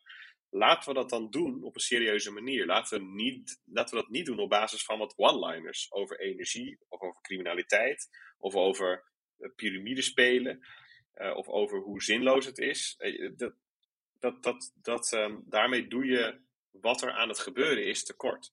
Mhm. het is gewoon een puur een observatie. Nog niet eens. Het kan ook mislukken. Het punt is niet dat wij uh, ervan overtuigd zijn uh, dat het een garantie is dat Bitcoin over 20 jaar nog het enige geld is of zo. Het kan net zo goed mislukken. Uh, en er zitten daadwerkelijk allerlei bijeffecten aan verbonden, net zoals het internet bijeffecten meebracht, waar we nog steeds mee leren omgaan. phishing en dat soort zaken. Ehm, nou, en, en in de context van Bitcoin denk ik aan ehm, ehm, die hackers die bestanden versleutelen en, en een, een losgeld vragen in Bitcoin om ze weer ontsleuteld te krijgen. Ja, ja waardoor het moeilijker is om, om, ze, om ze te kunnen pakken. Ja, dat, dat businessmodel is gewoon makkelijker geworden door het bestaan van Bitcoin, omdat Bitcoin programmeerbaar geld is. Hm. en, en het is niet zo dat, dat ze per se moeilijker te pakken zijn daardoor, want uh, opsporingsdiensten wereldwijd die komen er steeds eh, meer achter dat ze uh, dat Bitcoin eigenlijk zeg maar, op de blockchain van Bitcoin is eigenlijk gewoon een, een goudmijn aan gegevens. En dat ze daar veel meer mee kunnen dan ze aanvankelijk dachten. Tot op het hmm. punt dat sommigen ervan zeggen: hebben liever dat criminele bitcoin gebruiken dan de euro. Echt? Is het, is het niet zo dat transacties van bitcoin volledig gewoon anoniem zijn op de blockchain? Nee. Of, nee, dus hoe zit dat nou precies? Nou, ze zijn... Want je hebt een ehm, adres, toch, namelijk? Ja, dus, dus je zou... Ze zijn anoniem in de zin dat, stel ik maak jou wat bitcoin over, of jij naar mij. Je, je, je kunt dan in de blockchain niet zien dat ik dat was. Er staan geen persoonsgegevens in. Dat niet. Ehm, maar het is um, pseudoniem, zou je kunnen zeggen. Wat wel zo is, stel ik koop. Ehm, stel ik gebruik uh, een jaar heb ik een, uh, een Bitcoin wallet en uh, ik heb allerlei transacties. En op een gegeven moment wordt op een plek in de keten duidelijk dat mijn naam verbonden is aan een van die transacties. Op dat moment ben ik mijn anonimiteit kwijt. Voor de gehele blockchain. Klopt, voor degene die weet dat mijn naam hoort bij die transactie. Dus stel, een, ehm, eh, stel ik ga naar een Nederlandse partij ehm, en ik registreer me daar. Ehm, en uh, ik koop daar bitcoin en die bitcoin stuur ik naar mijn eigen wallet. In principe kan die partij volgen wat er met die bitcoins gebeurt. Hm. Want zij weten namelijk, uh, Peter heeft op dat moment bitcoin gekocht. Hij heeft dat naar dit adres toegestuurd. En ja, het is een publieke blockchain, dus wat ik er vervolgens mee doe, ja, dat is ook in te zien. Oh, het is naar dat adres gegaan en daarna is dit ermee gebeurd. Oh, daar is het in drie verschillende bedragen gesplitst. En zo zijn allerlei geldstromen in de blockchain van Bitcoin best goed te volgen. Nu wordt het daar ook een kat-en-muisspel natuurlijk, want er zijn manieren om, een poging te doen om dat geldspoor te obfusceren. dus um, uh, door een mixer te halen bijvoorbeeld. Of um, het over, je bitcoin over te maken naar een andere munt. Om die vervolgens op een ander moment weer om te wisselen naar bitcoin. Op een heel andere plek bijvoorbeeld. um, maar dat wil niet zeggen dat dat het onmogelijk is voor opsporingsdiensten uh, om het gebruik van Bitcoin voor loesje doeleinden um, uh, zeg maar in de, uh, in de greep te krijgen. Hm. Want zeker over aggregaten heen is heel veel, zin, is heel veel zinnigs te zeggen. Dus er zijn allerlei blockchain analysebedrijven die daarin gespecialiseerd zijn. Chainalysis bijvoorbeeld, die Uh, ja, die zit hierop en die wordt dan ook door heel veel opsporingsdiensten intussen gebruikt als onderdeel van het van de gereedschapskist om criminele activiteit op te sporen. En vrij recent zijn er dus allerlei mensen opgepakt die betrokken zijn geweest bij uh, wat ik net noemde: het versleutelen van documenten en losgeldvragen. Hm. Er is een hele groep opgerold. Maar ja, dan zie je, uh, opsporingsdiensten leren, leren omgaan met die nieuwe realiteit. En uh, opsporing is gewoon nog steeds mogelijk. dus um, ja, ik weet niet precies aan, aan de hand van welke uh, verhaallijnen en vragen we hier terecht zijn gekomen. nee, ik, weet, ik, ik, weet ook niet, maar we hadden het over. Uh, nou, je, je, noemde dat, dat, dat Bitcoin natuurlijk ook bijeffecten heeft. En daarvan waren er drie van. Ja, uh, ja klopt. Namelijk uh, zwart geld, energieverbruik, stroomverbruik en. wat is het derde? Ja, we, we, we bespreken er. Um, kijk, in, in, ons, in ons boek hebben we best wel wat um, van dit soort thema's opgelijst. Hmm. Dus aan de ene kant heb je misvattingen, aan de andere kant heb je bijeffecten. En een bijeffect daarvan um, zie ik zoiets als cryptojacking. dus, dus die documenten versleutelen bijvoorbeeld, dat, dat, zie ik duidelijk als een bijeffect. Daar moeten we mee leren omgaan. Hm. En dat omgaan zit hem vooral in hoe beveiligen we eigenlijk onze infrastructuur. Hoe zorgen we ervoor dat dit niet meer mogelijk is? Uh, hoe maken we het criminelen moeilijker om dit soort praktijken uit te voeren? Uh, hoe maken we die verdediging sterker? Uh, en als het dan toch gebeurt, hoe optimaliseren we onze opsporing? Hè? En ja, zo zijn er allerlei aspecten rond Bitcoin. Hoe verhouden we ons daar daartoe en hoe gaan we ermee om? En dat noem ik bijeffecten. En zoiets als energieverbruik, dat noem ik eerder een misvatting. dus, dus rond energieverbruik is, wordt vaak um, vergeleken met een land. Hè. Dus, ja, Bitcoin gebruikt evenveel energie als Nederland. Nou, ja, en dan leest iemand zo'n kop en die denkt, nou, dat moeten we niet hebben. Dus stop Bitcoin. Ja, dat is natuurlijk onwijs um, ongenuanceerd. Ja. Sowieso vergelijken met een land. Een, land is een raar eenheid, zeg maar. Dus uh, Nederland verbruikt uh, energie, maar als je dat vergelijkt met, die, met wat China of de VS verbruikt, dan, heb je, ja, dan, dan is haast niet meer te zien, zeg maar, op, op die schaal. Wat Nederland voor bijdrage doet in het totale energieverbruik. Um, wat je wat je ook vaak ziet, is dat er geen onderscheid gemaakt wordt tussen energie en elektriciteit. Dus wordt er gezegd, gebruikt evenveel energie als Nederland. Uh, terwijl energie veel meer is dan alleen uh, elektriciteitsopwinding. Op, um, uh, opwinding, nee, het is elektriciteitsopwekking. Um, opwekking, ja. Opwekking. ja. en dat, dat zijn twee, echt twee heel verschillende dingen. Wat er ook niet bij staat, is dat, um, dat de wasdrogers in de VS meer elektriciteit verbruiken dan Bitcoin. Ja. Uh, en voor kerstverlichting geldt precies hetzelfde. En dat er heel veel industrieën zijn die uh, meer energie of elektriciteit verbruiken um, dan een land.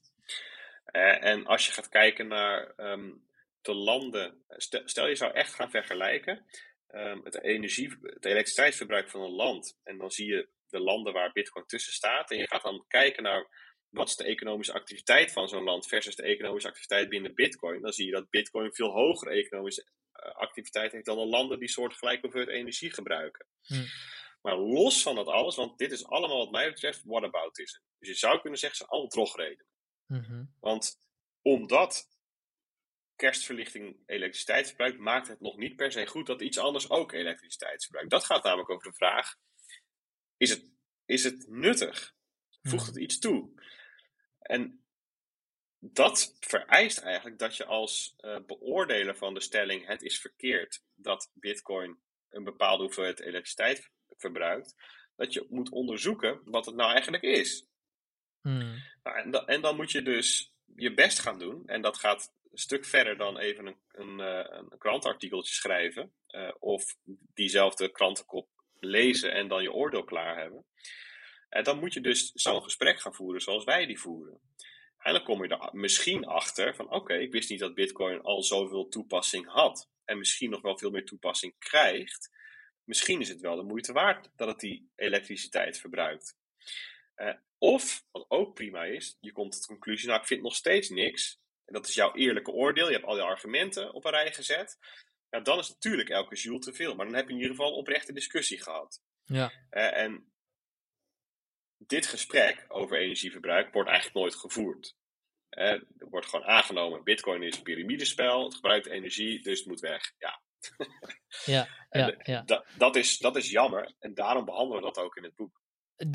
het is eigenlijk een argument die, uh, die aangewend wordt om een eerder bepaalde positie, die, al een eerder bepaalde positie gewoon uit te leggen of steek te geven. Je bent het eigenlijk al uh, je hebt eigenlijk al de mening dat Bitcoin niet nuttig is. Dus het gebruikt energie. Dus moeten ermee stoppen. Want het is niet duurzaam. Terwijl je exact. eigenlijk zou moeten laten zien. Ten eerste moet je de vergelijking maken tussen uh, Bitcoin en het huidige geldsysteem. Wat gebruikt nou meer energie? Um, en ook nog eens wat je ook al zei, per activiteit. Dus gebruikt het per saldo of per transactie meer of minder energie. Want Uh, en zelfs dan eigenlijk, als het meer energie gebruikt, is er nog maar de vraag, is het nuttiger of niet? Dus die nuttigheidsvraag, Klopt. wat je ook al zei, is, ligt eigenlijk aan de basis van hoeveel energieverbruik je wil accepteren voor het gebruik van bitcoin. Precies, precies. En je moet dat dus afzetten tegen het nut dat mensen hebben. En dan niet alleen in Nederland, hè, waar ik het mee eens ben dat bitcoin vooral speculatief karakter heeft. Maar dus ook in de landen waarvan je eigenlijk helemaal niet wist dat bitcoin daar op een bepaalde manier gebruikt werd. Ja. En je moet eigenlijk ook nog eens na gaan denken over wat voor toepassingen zijn er eigenlijk mogelijk en waar wordt aan gewerkt. Ja. En dat kunnen wel eens heel andere toepassingen zijn uh, dan de toepassing geld. Want uiteindelijk is bitcoin een netwerk waar mensen digitale eigendommen op kunnen vastleggen Mhm. en met elkaar kunnen uitwisselen. En dat kunnen bijvoorbeeld ook identiteitsgegevens zijn. Microsoft is daarmee bezig bijvoorbeeld met decentralized identity vastleggen op Bitcoin. Maar je hebt ook uh, andere digitale eigendommen, weet ik, auteursrechten of uh, digitale kunstwerken. Of, Is dat op, blokte- op blockchain of, oh, sorry, op Bitcoin, het vastleggen van digitale identiteiten op Bitcoin of op een blockchain technologie? Um, nou, je hebt, ja, Microsoft uh, heeft het Ion-netwerk ontwikkeld en die maakt gebruik van Bitcoin als um, laag waarop de data wordt vastgelegd. En zij gebruiken Bitcoin omdat ze um, vinden dat als het om identiteitsgegevens gaat, waar, de, waar het individu soeverein over moet zijn, dan is het enige netwerk dat daarvoor geschikt is Bitcoin. Want Bitcoin is zo decentraal en zo veilig dat niemand daar um, mee kan. En niemand kan het censureren. Um, en daarom gebruiken we Bitcoin. Maar de technologie rond digitale identiteiten en digital um, uh, DID's en zeg maar, uh, het gebruik van cryptografie staat op zichzelf los van Bitcoin. Je kunt dat ook op andere netwerken doen. Maar zodra, dat is een beetje het punt wat Bitcoin uniek maakt, is dat het decentraal is. Um, dat betekent dat er niet een persoon of een bedrijf of een overheid um, in zijn eentje iets, een, een uitzondering kan maken of iets kan beslissen, iets kan veranderen. Iets kan pas veranderen als het, als, als het hele ecosysteem het daarover eens is dat het een goed idee is. De, de, de, Um, het is dus niet de vraag wie je moet vertrouwen. Het hele idee van vertrouwen is weggenomen. Is, is out of the equation gehaald. Ja. Het enige um, wat relevant is, is dat Bitcoin bestaat. En dan kan je ervan uitgaan dat wat je daar opzet, dat dat daar blijft bestaan in die vorm. Dat niemand daar iets aan kan veranderen. En dat is handig als het gaat om geld. Want als ik jou wat overmaak, weet ik zeker dat daar niemand tussen zit. En dat het bij jou terecht komt. Dat is ook handig als het gaat om Um, bijvoorbeeld het bewijs dat ik Peter ben. Ja. Ik zet daar dus niet op, um, ik zet niet mijn paspoortgegevens erop, maar alleen maar het bewijs. Um, en dus ik kan bewijzen dat ik uh, ouder ben dan 18, zonder dat ik mijn geboortedatum onthul. Nou, en uh, dat is onderdeel van het vraagstuk van decentrale identiteiten. En nou, wat Microsoft betreft speelt Bitcoin daar dus een belangrijke rol in. Eh, omdat niemand ter wereld Um, zeg maar, het leveren van bewijs over wie je bent uh, in de weg kan zitten. Hè? Ja. En um, zou Bitcoin zijn decentraliteit verliezen, dan verdwijnt ook de waarde van Bitcoin. Want dan, dan is er dus kennelijk een plek in het netwerk um, dat beïnvloedbaar is. Mm. En dat soort fenomenen kennen we al. Dat zijn namelijk gewoon centraal georganiseerde infrastructuren. Een Kan Facebook, dat? een Kan- overheid. Kan, kan Bitcoin zijn decentrale karakter verliezen? Ehm, ja, in theorie zou dat kunnen. Dus het, het, ehm, het, het zou zo kunnen dat ehm, als mining bijvoorbeeld, ik, ik neem even miners als, eh, eh, als groep belanghebbenden, hè, dus die, die zijn betrokken bij het bundelen van transacties en het maken van nieuwe blocks. Die voegen ze toe aan de blockchain en dat is eigenlijk de motor eh, achter Bitcoin. Daardoor blijft het netwerk draaien. Ehm, stel dat op een of andere manier een enkele partij de beschikking krijgt over zo ontzettend veel mining apparatuur en daar ook de energie voor heeft, elektriciteit heeft om die miners te laten draaien. En die zou 70% van alle uh, rekenkracht in handen krijgen. Nou, dan zou die partij in principe een transactie kunnen censureren. Hmm. Ja, en als dat het geval is, ja, dan heb je uh, een probleem. Eh, want dan is kennelijk het doel van. Uh, dan, dan, dan mislukt eigenlijk. het bestaansrecht van Bitcoin ehm, wordt dan minder waard. Tot op het hmm. punt dat je eigenlijk het vertrouwen verliest. Uh, in de eigenschap van Bitcoin dat niemand censureren kan. Dat niemand er invloed op kan uitoefenen. Dat niemand er de macht over heeft. Als die eigenschappen verdwijnen, ja, dan heeft wat mij betreft Bitcoin geen bestaansrecht. Hm. Want dergelijke systemen hebben we namelijk al. Uh, dat zijn namelijk gewoon bijvoorbeeld um, de euro's waar we nu van gebruik maken. Ja. Uh, en um, uh, je hebt um, die, de centrale banken die nu aan, aan digitaal centrale bankgeld werken, ja, die gaan ook gewoon digitaal geboren geld introduceren. Wat in theorie ook programmeerbaar is. En daar kun je hele dystopische scenario's bij bedenken, ook hele utopische scenario's bij bedenken. Ja. Uh, maar het feit dat iets programmeerbaar is, ja, dat is niet uniek. Dat is niet uniek aan Bitcoin. Nee, het feit dat niemand er de macht over heeft, dat niemand kan beslissen hoeveel er van zijn, dat niemand kan beslissen hoe het monetair beleid in elkaar zit, dat niemand kan beslissen wie er gebruik van kan maken, dat is het enige echte unieke aan Bitcoin. En, en, en dat is ook de, de, de belangrijkste innovatie. Ja, ja. En het is ook zo, hoe meer je erover nadenkt, hoe gekker het wordt. Want het is, we hebben een aantal duizenden, miljoenen computers, of, of, of op dit moment zijn het zelfs gewoon hele rigs, op de wereld staan. En eigenlijk het enige wat die doen is energie of elektriciteit omtoveren tot waarde.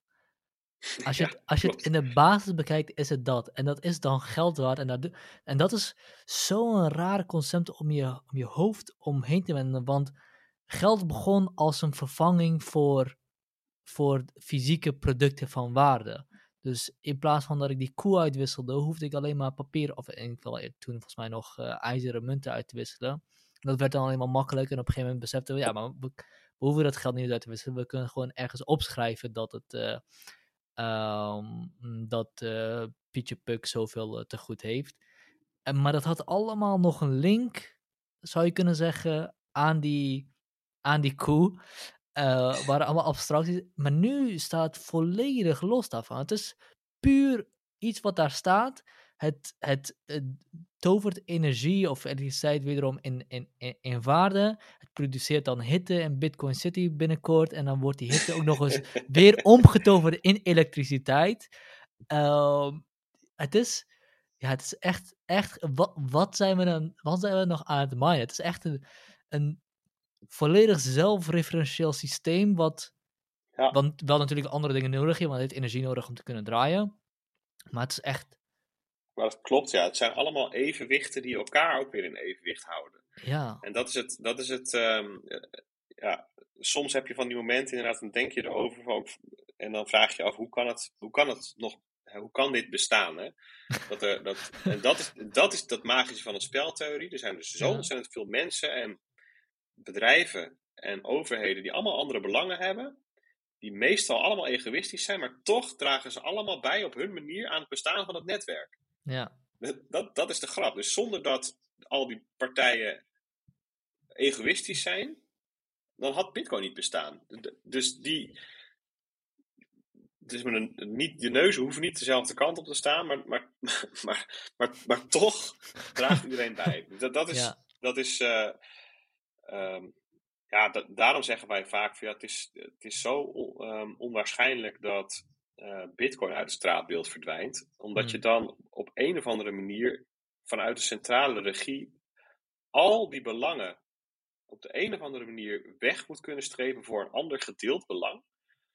Ehm, dat je met z'n allen tegelijkertijd beslist om zoiets uit te schakelen, te verbieden, te stoppen. Ja. want dat, hè, en dat is niet dat het niet kan. Hè? Want uiteindelijk ehm, is Bitcoin een netwerk mhm. ehm, dat, en een technologie dat in gebruik genomen wordt. Ehm, en heeft het ook nog een uh, een tijdspanne waarbinnen uh, de volwassenwording moet plaatsvinden. Dat heeft te maken met um, die miners waar we het net over hadden. Mm um, en nu, nu is het, jij zei net van uh, ze zetten energie en stroom om in iets van waarde. Um, ja, zeker nu is dat best wel een leuke analogie. Sommige mensen spreken dan daarom ook van een, dat, dat Bitcoin een batterij is. Dat er stroom wordt opgeslagen in de vorm van uh, bitcoin, van geld. En je kunt die stroom dus, die anders zou ver vervliegen of vervallen, op een later moment uitgeven. Een soort van monetaire batterij. Nou, ik vind het niet een hele mooie analogie, maar hij is wel geinig. Um, maar een miner, die doet zijn werk omdat hij beloond wordt. En die beloning bestaat nu uit twee componenten. Hij ontvangt subsidie en hij ontvangt alle transactiekosten van de transacties die in het blok worden gestopt die de miner gevonden heeft. Hm. Um, en die subsidie is nu 6,25 bitcoin. Dus dat is uh, nou, 3 ton. Ja. 3, 3,5 ton, weet ik veel, zoiets. In euro. Um, en de transactiekosten, dat is echt een fractie ervan. Um, die subsidie wordt elke vier jaar uh, door de helft geknipt. Het zit gewoon in het protocol, verandert niemand. Dus de laatste keer dat het gebeurde was in 2020, mei 2020, ging het van uh, 12,5 naar 6,25. In 2024 wordt het dus gereduceerd naar 3, 12,5. Um, 12,5. En dus in, in, in één keer gaat het budget omlaag. Um, dan is de vraag hoe, hoe vaker zo'n halving, zo noemen we dat, gebeurt, uh, wordt de vraag relevanter, blijft er genoeg budget over voor die miners om hun werk te doen? Ja. Want die zitten natuurlijk in de echte wereld gewoon met een kostenplaatje. Namelijk hardware, stroom enzovoorts. Ja, als dat economisch niet meer rendabel is, dan wordt de stekker er gewoon uitgetrokken. En als maar genoeg miners dat doen, ja, dan stopt het Bitcoin-netwerk. En dus om die reden uh, zei Satoshi Nakamoto, we weten nog steeds niet wie, wat, uh, welke groep dat is, um, vlak na de oprichting van Bitcoin, dat hij verwacht dat over 20 jaar, dat was dus 13 jaar geleden, of heel veel gebruik gemaakt wordt van Bitcoin, of helemaal niet. Want de enige manier om te compenseren voor het verlies van die subsidie is als er veel transacties plaatsvinden. Want dan heb je namelijk voldoende aan de inkomsten uit de transacties die verwerkt worden. En de grap is dat hoe meer Bitcoin gebruikt wordt, hoe hoger de prijs is. Want het aanbod is, staat vast. En als er toename van gebruikers hebben er kennelijk meer partijen Bitcoin nodig. En dus uh, neemt de vraagkant toe. En mhm. dus stijgt de prijs. Dus wat je dan ziet is, de transactiekosten, de fees, die nemen toe. De prijs is hoger en dat compenseert voor het verlies van de subsidie. En ook dat is dus weer zo'n evenwicht waarvan je niet precies weet hoe die gaat uitpakken. Maar als de transactiekosten blijven stijgen, dan wordt het, wordt het ook minder aantrekkelijk om transacties te doen in Bitcoin. Nou, dat hangt dus van de toepassing af. Want je hebt ook dus tegenwoordig het Lightning-netwerk. Mm. Dat is een laag bovenop Bitcoin. wat je daarmee doet is, wij kunnen onderling gewoon eh, betalen naar elkaar toe. Uh, dat gaat vliegensvlug. En op een later moment verreken je de, de onderlinge saldi weer terug naar de basislaag. En dat, dat, dat kan op een moment dat wij zelf beslissen.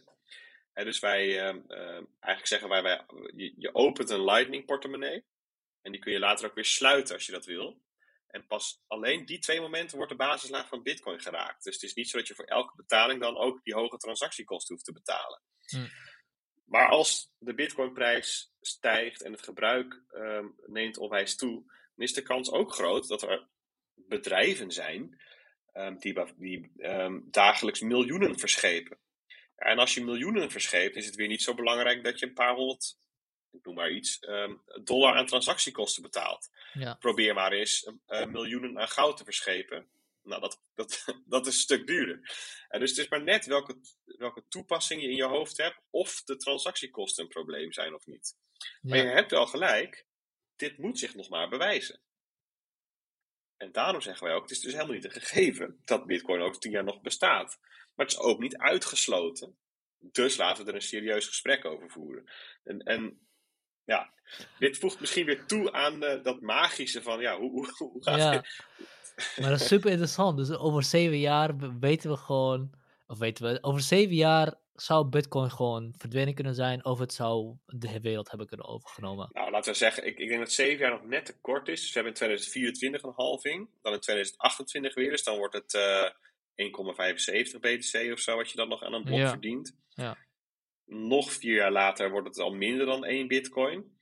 Ja, dan wordt het wel echt een, eh, een dingetje. Ik bedoel, als, als, dan, als er dan onvoldoende inkomsten zijn uit transacties, wat er dan gebeurt, is dat het equilibrium waar, waar de miningindustrie op draait, wordt heel dun. Dus dan blijven er gewoon weinig miners over. Er is gewoon namelijk weinig geld te verdelen. Ja, En dan wordt het ineens ook heel makkelijk voor een natiestaat, ik noem maar iets, om meer dan de helft van de rekenkracht in handen te krijgen. Dat Ja. is, hè, de- als, als zij bitcoin zouden eh, kapot zouden willen maken, is dat relatief goedkoop geworden op dat moment. ja, En, hè, Ja. en dan, hè, snap je? En op die manier kan dus eh, Bitcoin helemaal zijn waarde verliezen, omdat als dat gebeurt, het vertrouwen in het protocol gebroken is. ja. En natuurlijk als Bitcoin over een paar jaar de, laten we zeggen 1 miljoen dollar aanraakt, dan, hebben, dan is het probleem natuurlijk helemaal niet relevant, want dan blijft het nog steeds gewoon waardevol om te minen. Klopt, dus afhankelijk van hoe de Bitcoinprijs stijgt, in de meeste scenario's blijft het budget dat miners hebben om te verdelen, om en nabij wat er nu ook te verdelen is. Ja, En dat betekent dus ook dat de vraag naar stroom helemaal niet gaat toenemen. En dus die doemscenario's van dat Bitcoin maar steeds meer stroom gaat gebruiken, dat kan helemaal niet. Dat, dat, is in, in geen van de scenario's het geval. Het stijgt misschien een beetje, maar het wordt niet heel veel meer dan dit. ja want, want je hebt dus een aantal modellen die de prijs van Bitcoin probeert te berekenen. Volgens mij is de meest algemene de S2F-model of zo. Ik weet niet, niet veel van gehoord. Ik heb niet, weet Ja, niet echt wat ja vanaf. stock to flow staat dat voor. Stock to flow. En die zou volgens mij een ton of zo eind november dit jaar of zo Nee, dat is- voorspellen. Nee, dus, dus ehm, je hebt iemand, Plan B, heet hij op Twitter. Nou, de Twitter-handle is volgens mij 100 trillion USD. Ehm, en, en hij heeft inmiddels meer dan anderhalf miljoen volgers, geloof ik. Ehm, en die kwam in 2019, maart 2019, kwam die met, een, eh, met het stock-to-flow model. En wat hij daarmee deed, was voor het eerst eigenlijk ehm, een een waarderingsmodel eh, eh, lanceren waarmee je kon herleiden waarom Bitcoin de prijs heeft die het heeft. Mhm. Ehm, en dat is eigenlijk het allerbelangrijkste wat het heeft toegevoegd. Dus dat er geredeneerd ging worden over de verhouding tussen ehm, hoeveel van een goed ehm, per jaar nieuw op de markt komt. en het huidige aanbod. En eigenlijk dus het redeneren over schaarste. En wat dat doet met prijs. Ehm, puur vanuit econometrisch oogpunt zijn er gaten geschoten in het model. Ja. Dus, en sowieso geldt voor elk model. De vraag is niet ehm, of die klopt, zeg maar. De vraag is wanneer die niet meer klopt. Ja, wanneer en, ehm, maar het stock-to-flow model is wat anders dan wat jij net beschreef met die ton eind november. En dat was weer een ander prijsmodel van dezelfde eh, figuur, dezelfde Plan B. En dat was zijn price floor model. Ehm, en dat was een, kennelijk heeft hij zelf een prijsmodel waarmee hij voor zichzelf maand op maand ehm, een prijsvloer eh, terugkrijgt. En op basis daarvan zegt hij, joh, in november, eind november, is de prijs van Bitcoin 98.000 dollar. Want dat is wat de bodemprijs is die uit mijn price floor model komt. Nou, de kans is vrij groot dat dat model na deze maand gesneuveld is. we hebben nog vier dagen. ja, en we zitten op eh 54,5. Dus, eh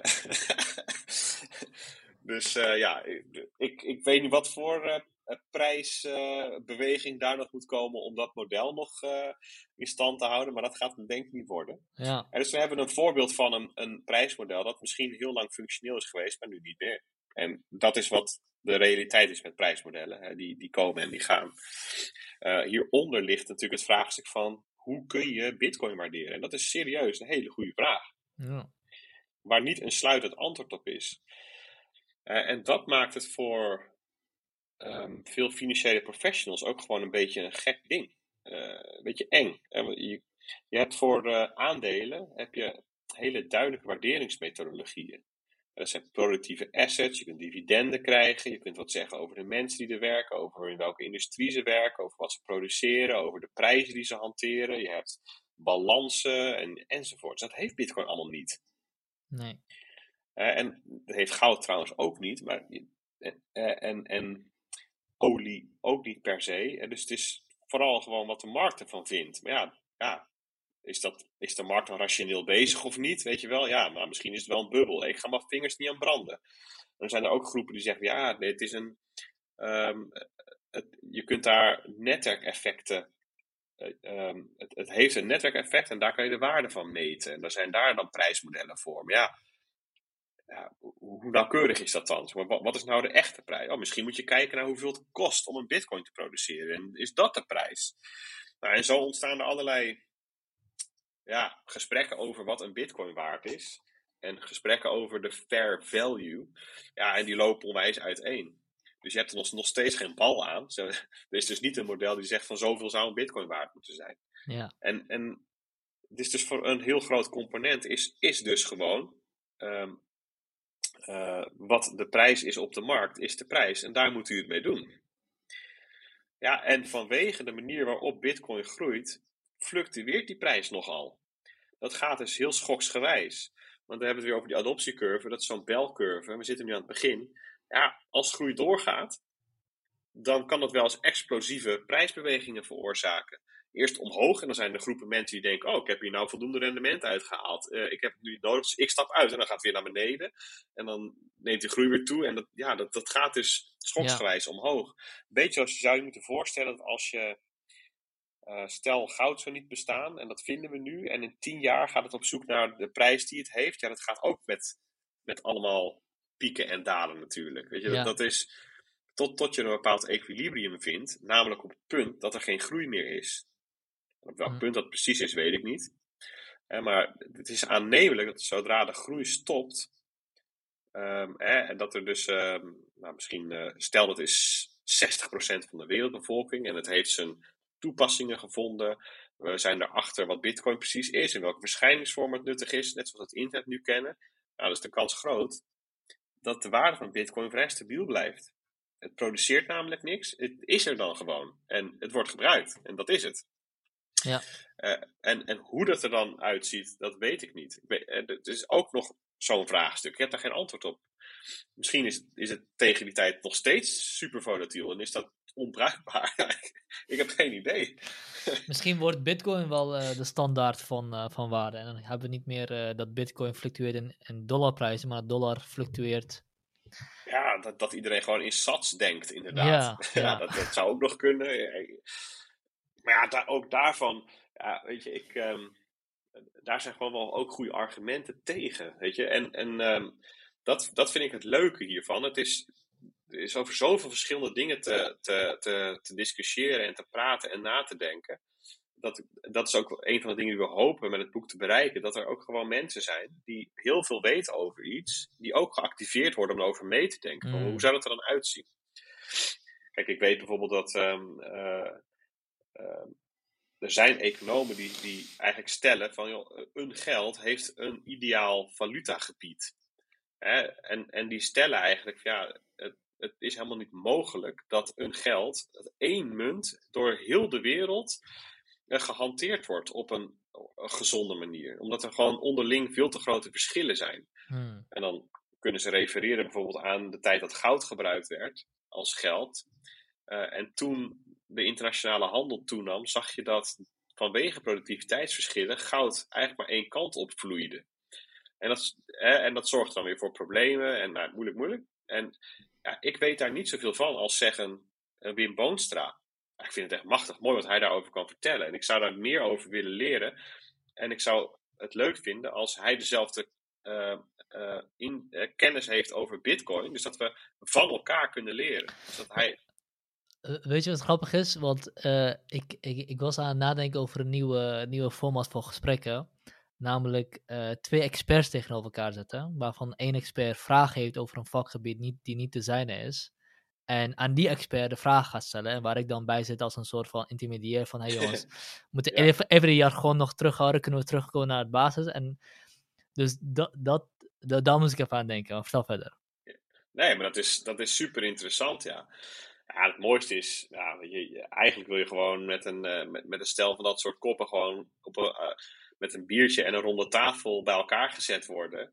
En dan gewoon eens vrijuit filosoferen over Ja. hoe dat eruit zou zien. Ja. En ehm, ja, dus we laten ook gewoon nog wel het eindjes open in het boek. Van, eh, we zijn dus niet zo stellig over, joh, bitcoin wordt het echt enige geld. Want we weten ook gewoon niet of dat wel Ja, kan. want, wa- wa- want je, zet, je legt ook best wel een dikke bom onder mensen die Bitcoin vooral willen gebruiken als een asset of als store of value. Als je zegt over zeven jaar, weet ik niet, of over tien jaar, sorry, weet ik niet wat er, eh, of het dan nog is of niet.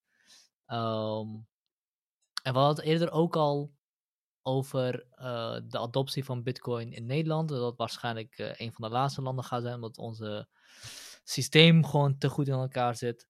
En ik weet niet, ik ben zelf al wel een beetje aan het kijken naar, hmm, wil ik misschien wel in ieder geval voor een deel overstappen naar een, niet per se Bitcoin, maar in ieder geval wel eh, crypto-based Mhm. spen- spending van geld. Ik weet niet of je daar zelf naar aan het kijken bent, want ik, ik was eigenlijk al jaren eerder wel, want ik zag al de spaarrekening, spaarrekeningrentes van 2, 3 procent en ik dacht, ja, dat, ja wat, wat, wat, wat, moet ik daar nou mee? En toen ben ik gaan kijken naar crowdfunding leningen, eh, die zijn dan niet de- decentraal, maar het zijn, het zijn gewoon crowdfunding leningen en daar stop je dan geld weg en dan eh, is het in ieder geval veel meer dan, eh, dan je geld op, op een spaarrekening zetten.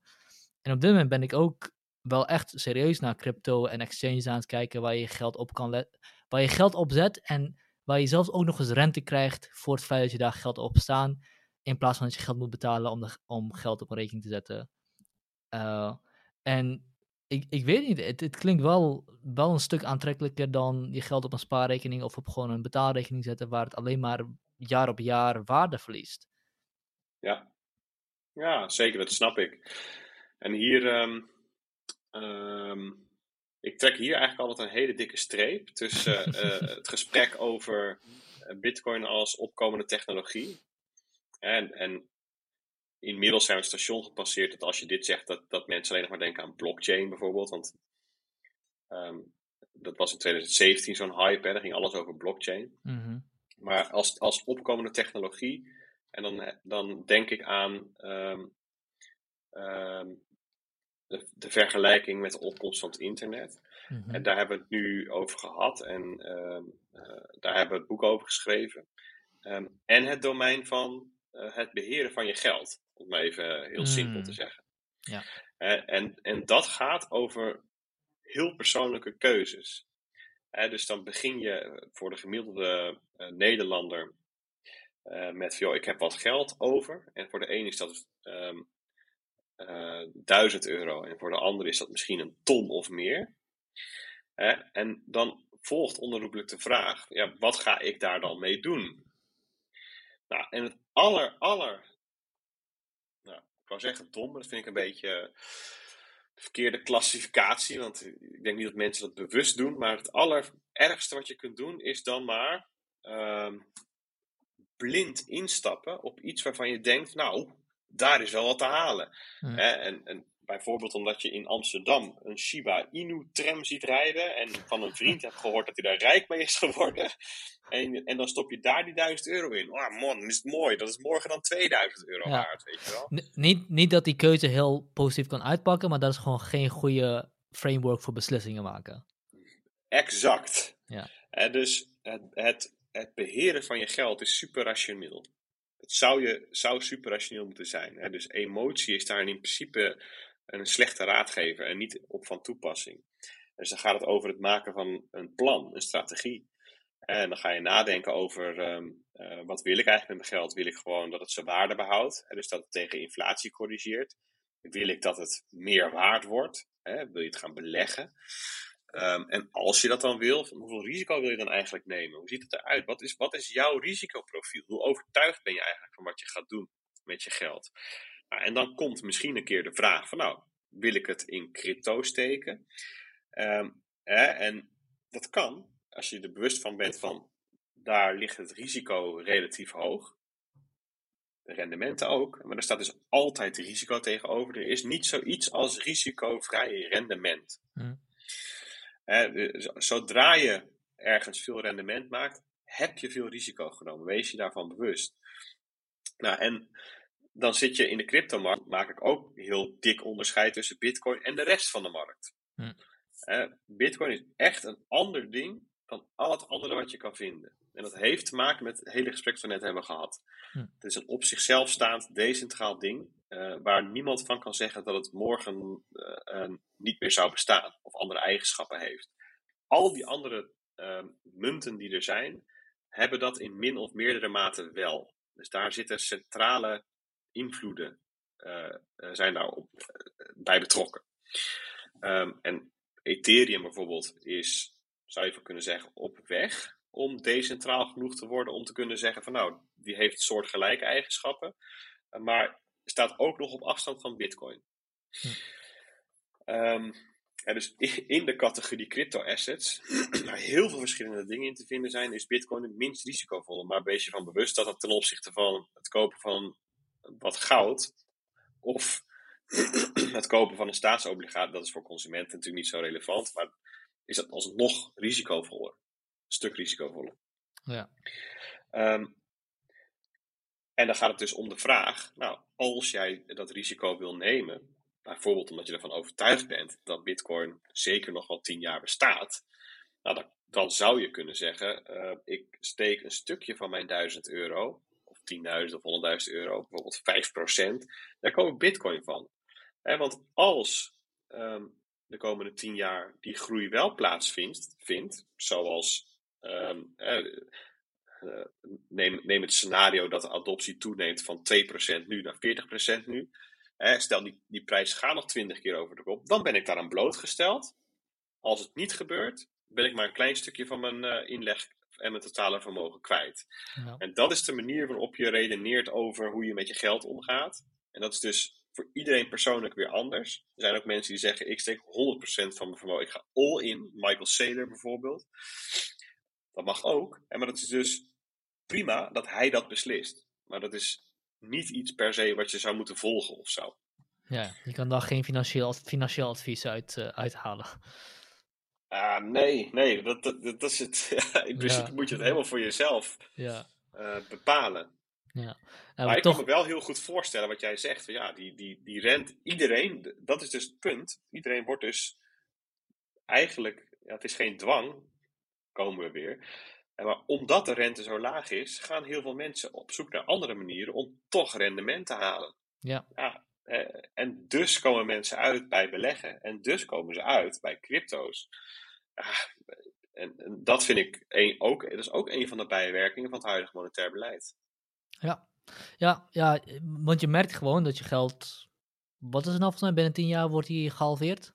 Als we op deze huidige inflatie niveaus blijven? Oeh, dat weet ik niet uit mijn hoofd in ieder geval, eh, je geld wordt, gewoon elk jaar minder en minder, minder, minder. Dus je moet gewoon gaan kijken naar manieren om het ergens neer te zetten waar het in ieder geval niet minder waard wordt. Zodat je je geld niet, uh, ja... Ja, zodat je de energie die je hebt geleverd, nu, om dat geld te verzamelen, ja. um, niet verwatert over de tijd heen. Dus dat is natuurlijk zonde. Ja. Heb, je, heb je een jaar kaart gewerkt voor, voor het spaargeld en over tien jaar kan je er minder mee. Dat is, natuurlijk echt niet, niet een fijn gedachte. Ja, het is een goede manier om het te beschrijven inderdaad. Je hebt natuurlijk energie geleverd nu en over, uh, over een aantal jaren is die energie minder waard geworden. Terwijl als je... ja, ja, ja, daar moet je echt bewust van zijn. Hè? Je, je, je leeft maar één keer. Jij doet je, je, je, je uiterste best om daar wat van te maken. Je, dag in dag uit zwoeg je zeg maar, op de aardbodem.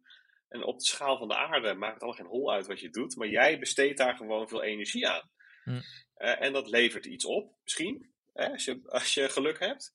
Uh, en uh, dan blijft er, als je helemaal gelukkig nog wat van over. Ja, dat is natuurlijk.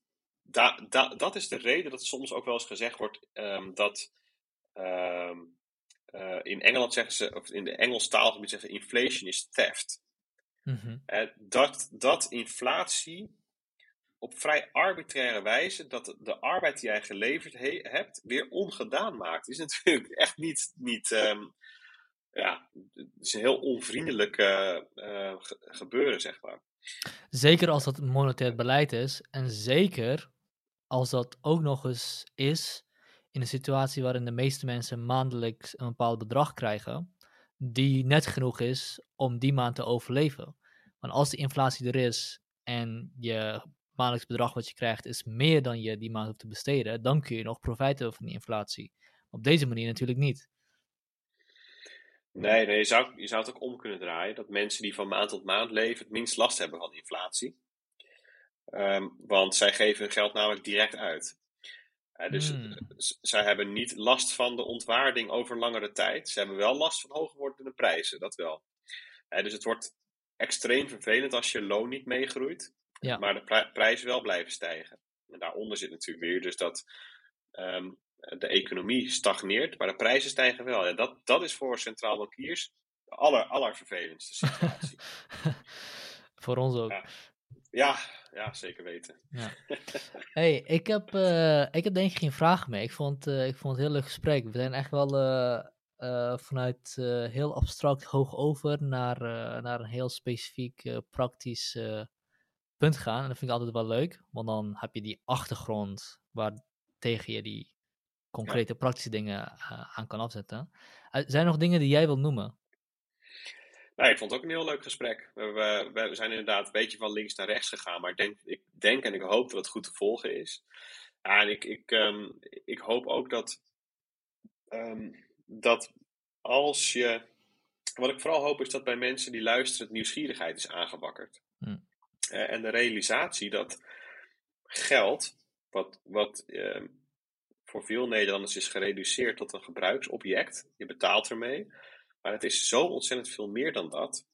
En het is niet stoffig. Het is een heel interessant domein um, dat een groot deel van je leven bepaalt. Hoe hm. je handelt. Dat zit allemaal verbonden aan geld en het geldsysteem en hoe dat geld beheerd wordt. En of je het nou leuk vindt of niet, er is van alles aan het veranderen rond geld. En ik denk dat het voor heel veel mensen heel nuttig is om daar gewoon kennis van te hebben. Je hoeft er nog niet eens direct iets mee, maar puur het hebben van kennis wat er gebeurt met het geld. Um, en welke krachten daarop van invloed zijn en hoe daaraan gesleuteld wordt. Um, ja, op zijn, uh, uh, zeg maar, dat bewustzijn, die kennis, uh, opent misschien in de toekomst voor jou als individu ook gewoon weer mogelijkheden om je voor te bereiden op de uitkomsten van wat waaraan gewerkt wordt. Uh, en um, um, ja, goed, dus als die nieuwsgierigheid er is, zou ik zeggen, start bij Ons Geld is stuk, het boek, en lees dat. Waar kun je hem kopen? Um, ik zou gewoon even naar onsgeldisstuk.nl gaan. En daar staan dan alle verkooppunten. Volgens mij ligt hij bij 1200 boekhandels of zo in Nederland. Hm. Um, en ook op bol.com en allerlei andere online verkooppunten. Dus je, je kunt er eigenlijk niet missen. Uh, dat is het voordeel van uh, dat het uh, in, in, de bestseller top 60 of nummer 1 kwam. Um, ja, dan verspreidt het zich ook een beetje als een, als een vuurtje. Ja, mooi. Ja. Oké, okay, dankjewel voor je tijd man. Ik vond het mooi. Yes, insgelijks. Dan is het nu tijd om even te lunchen.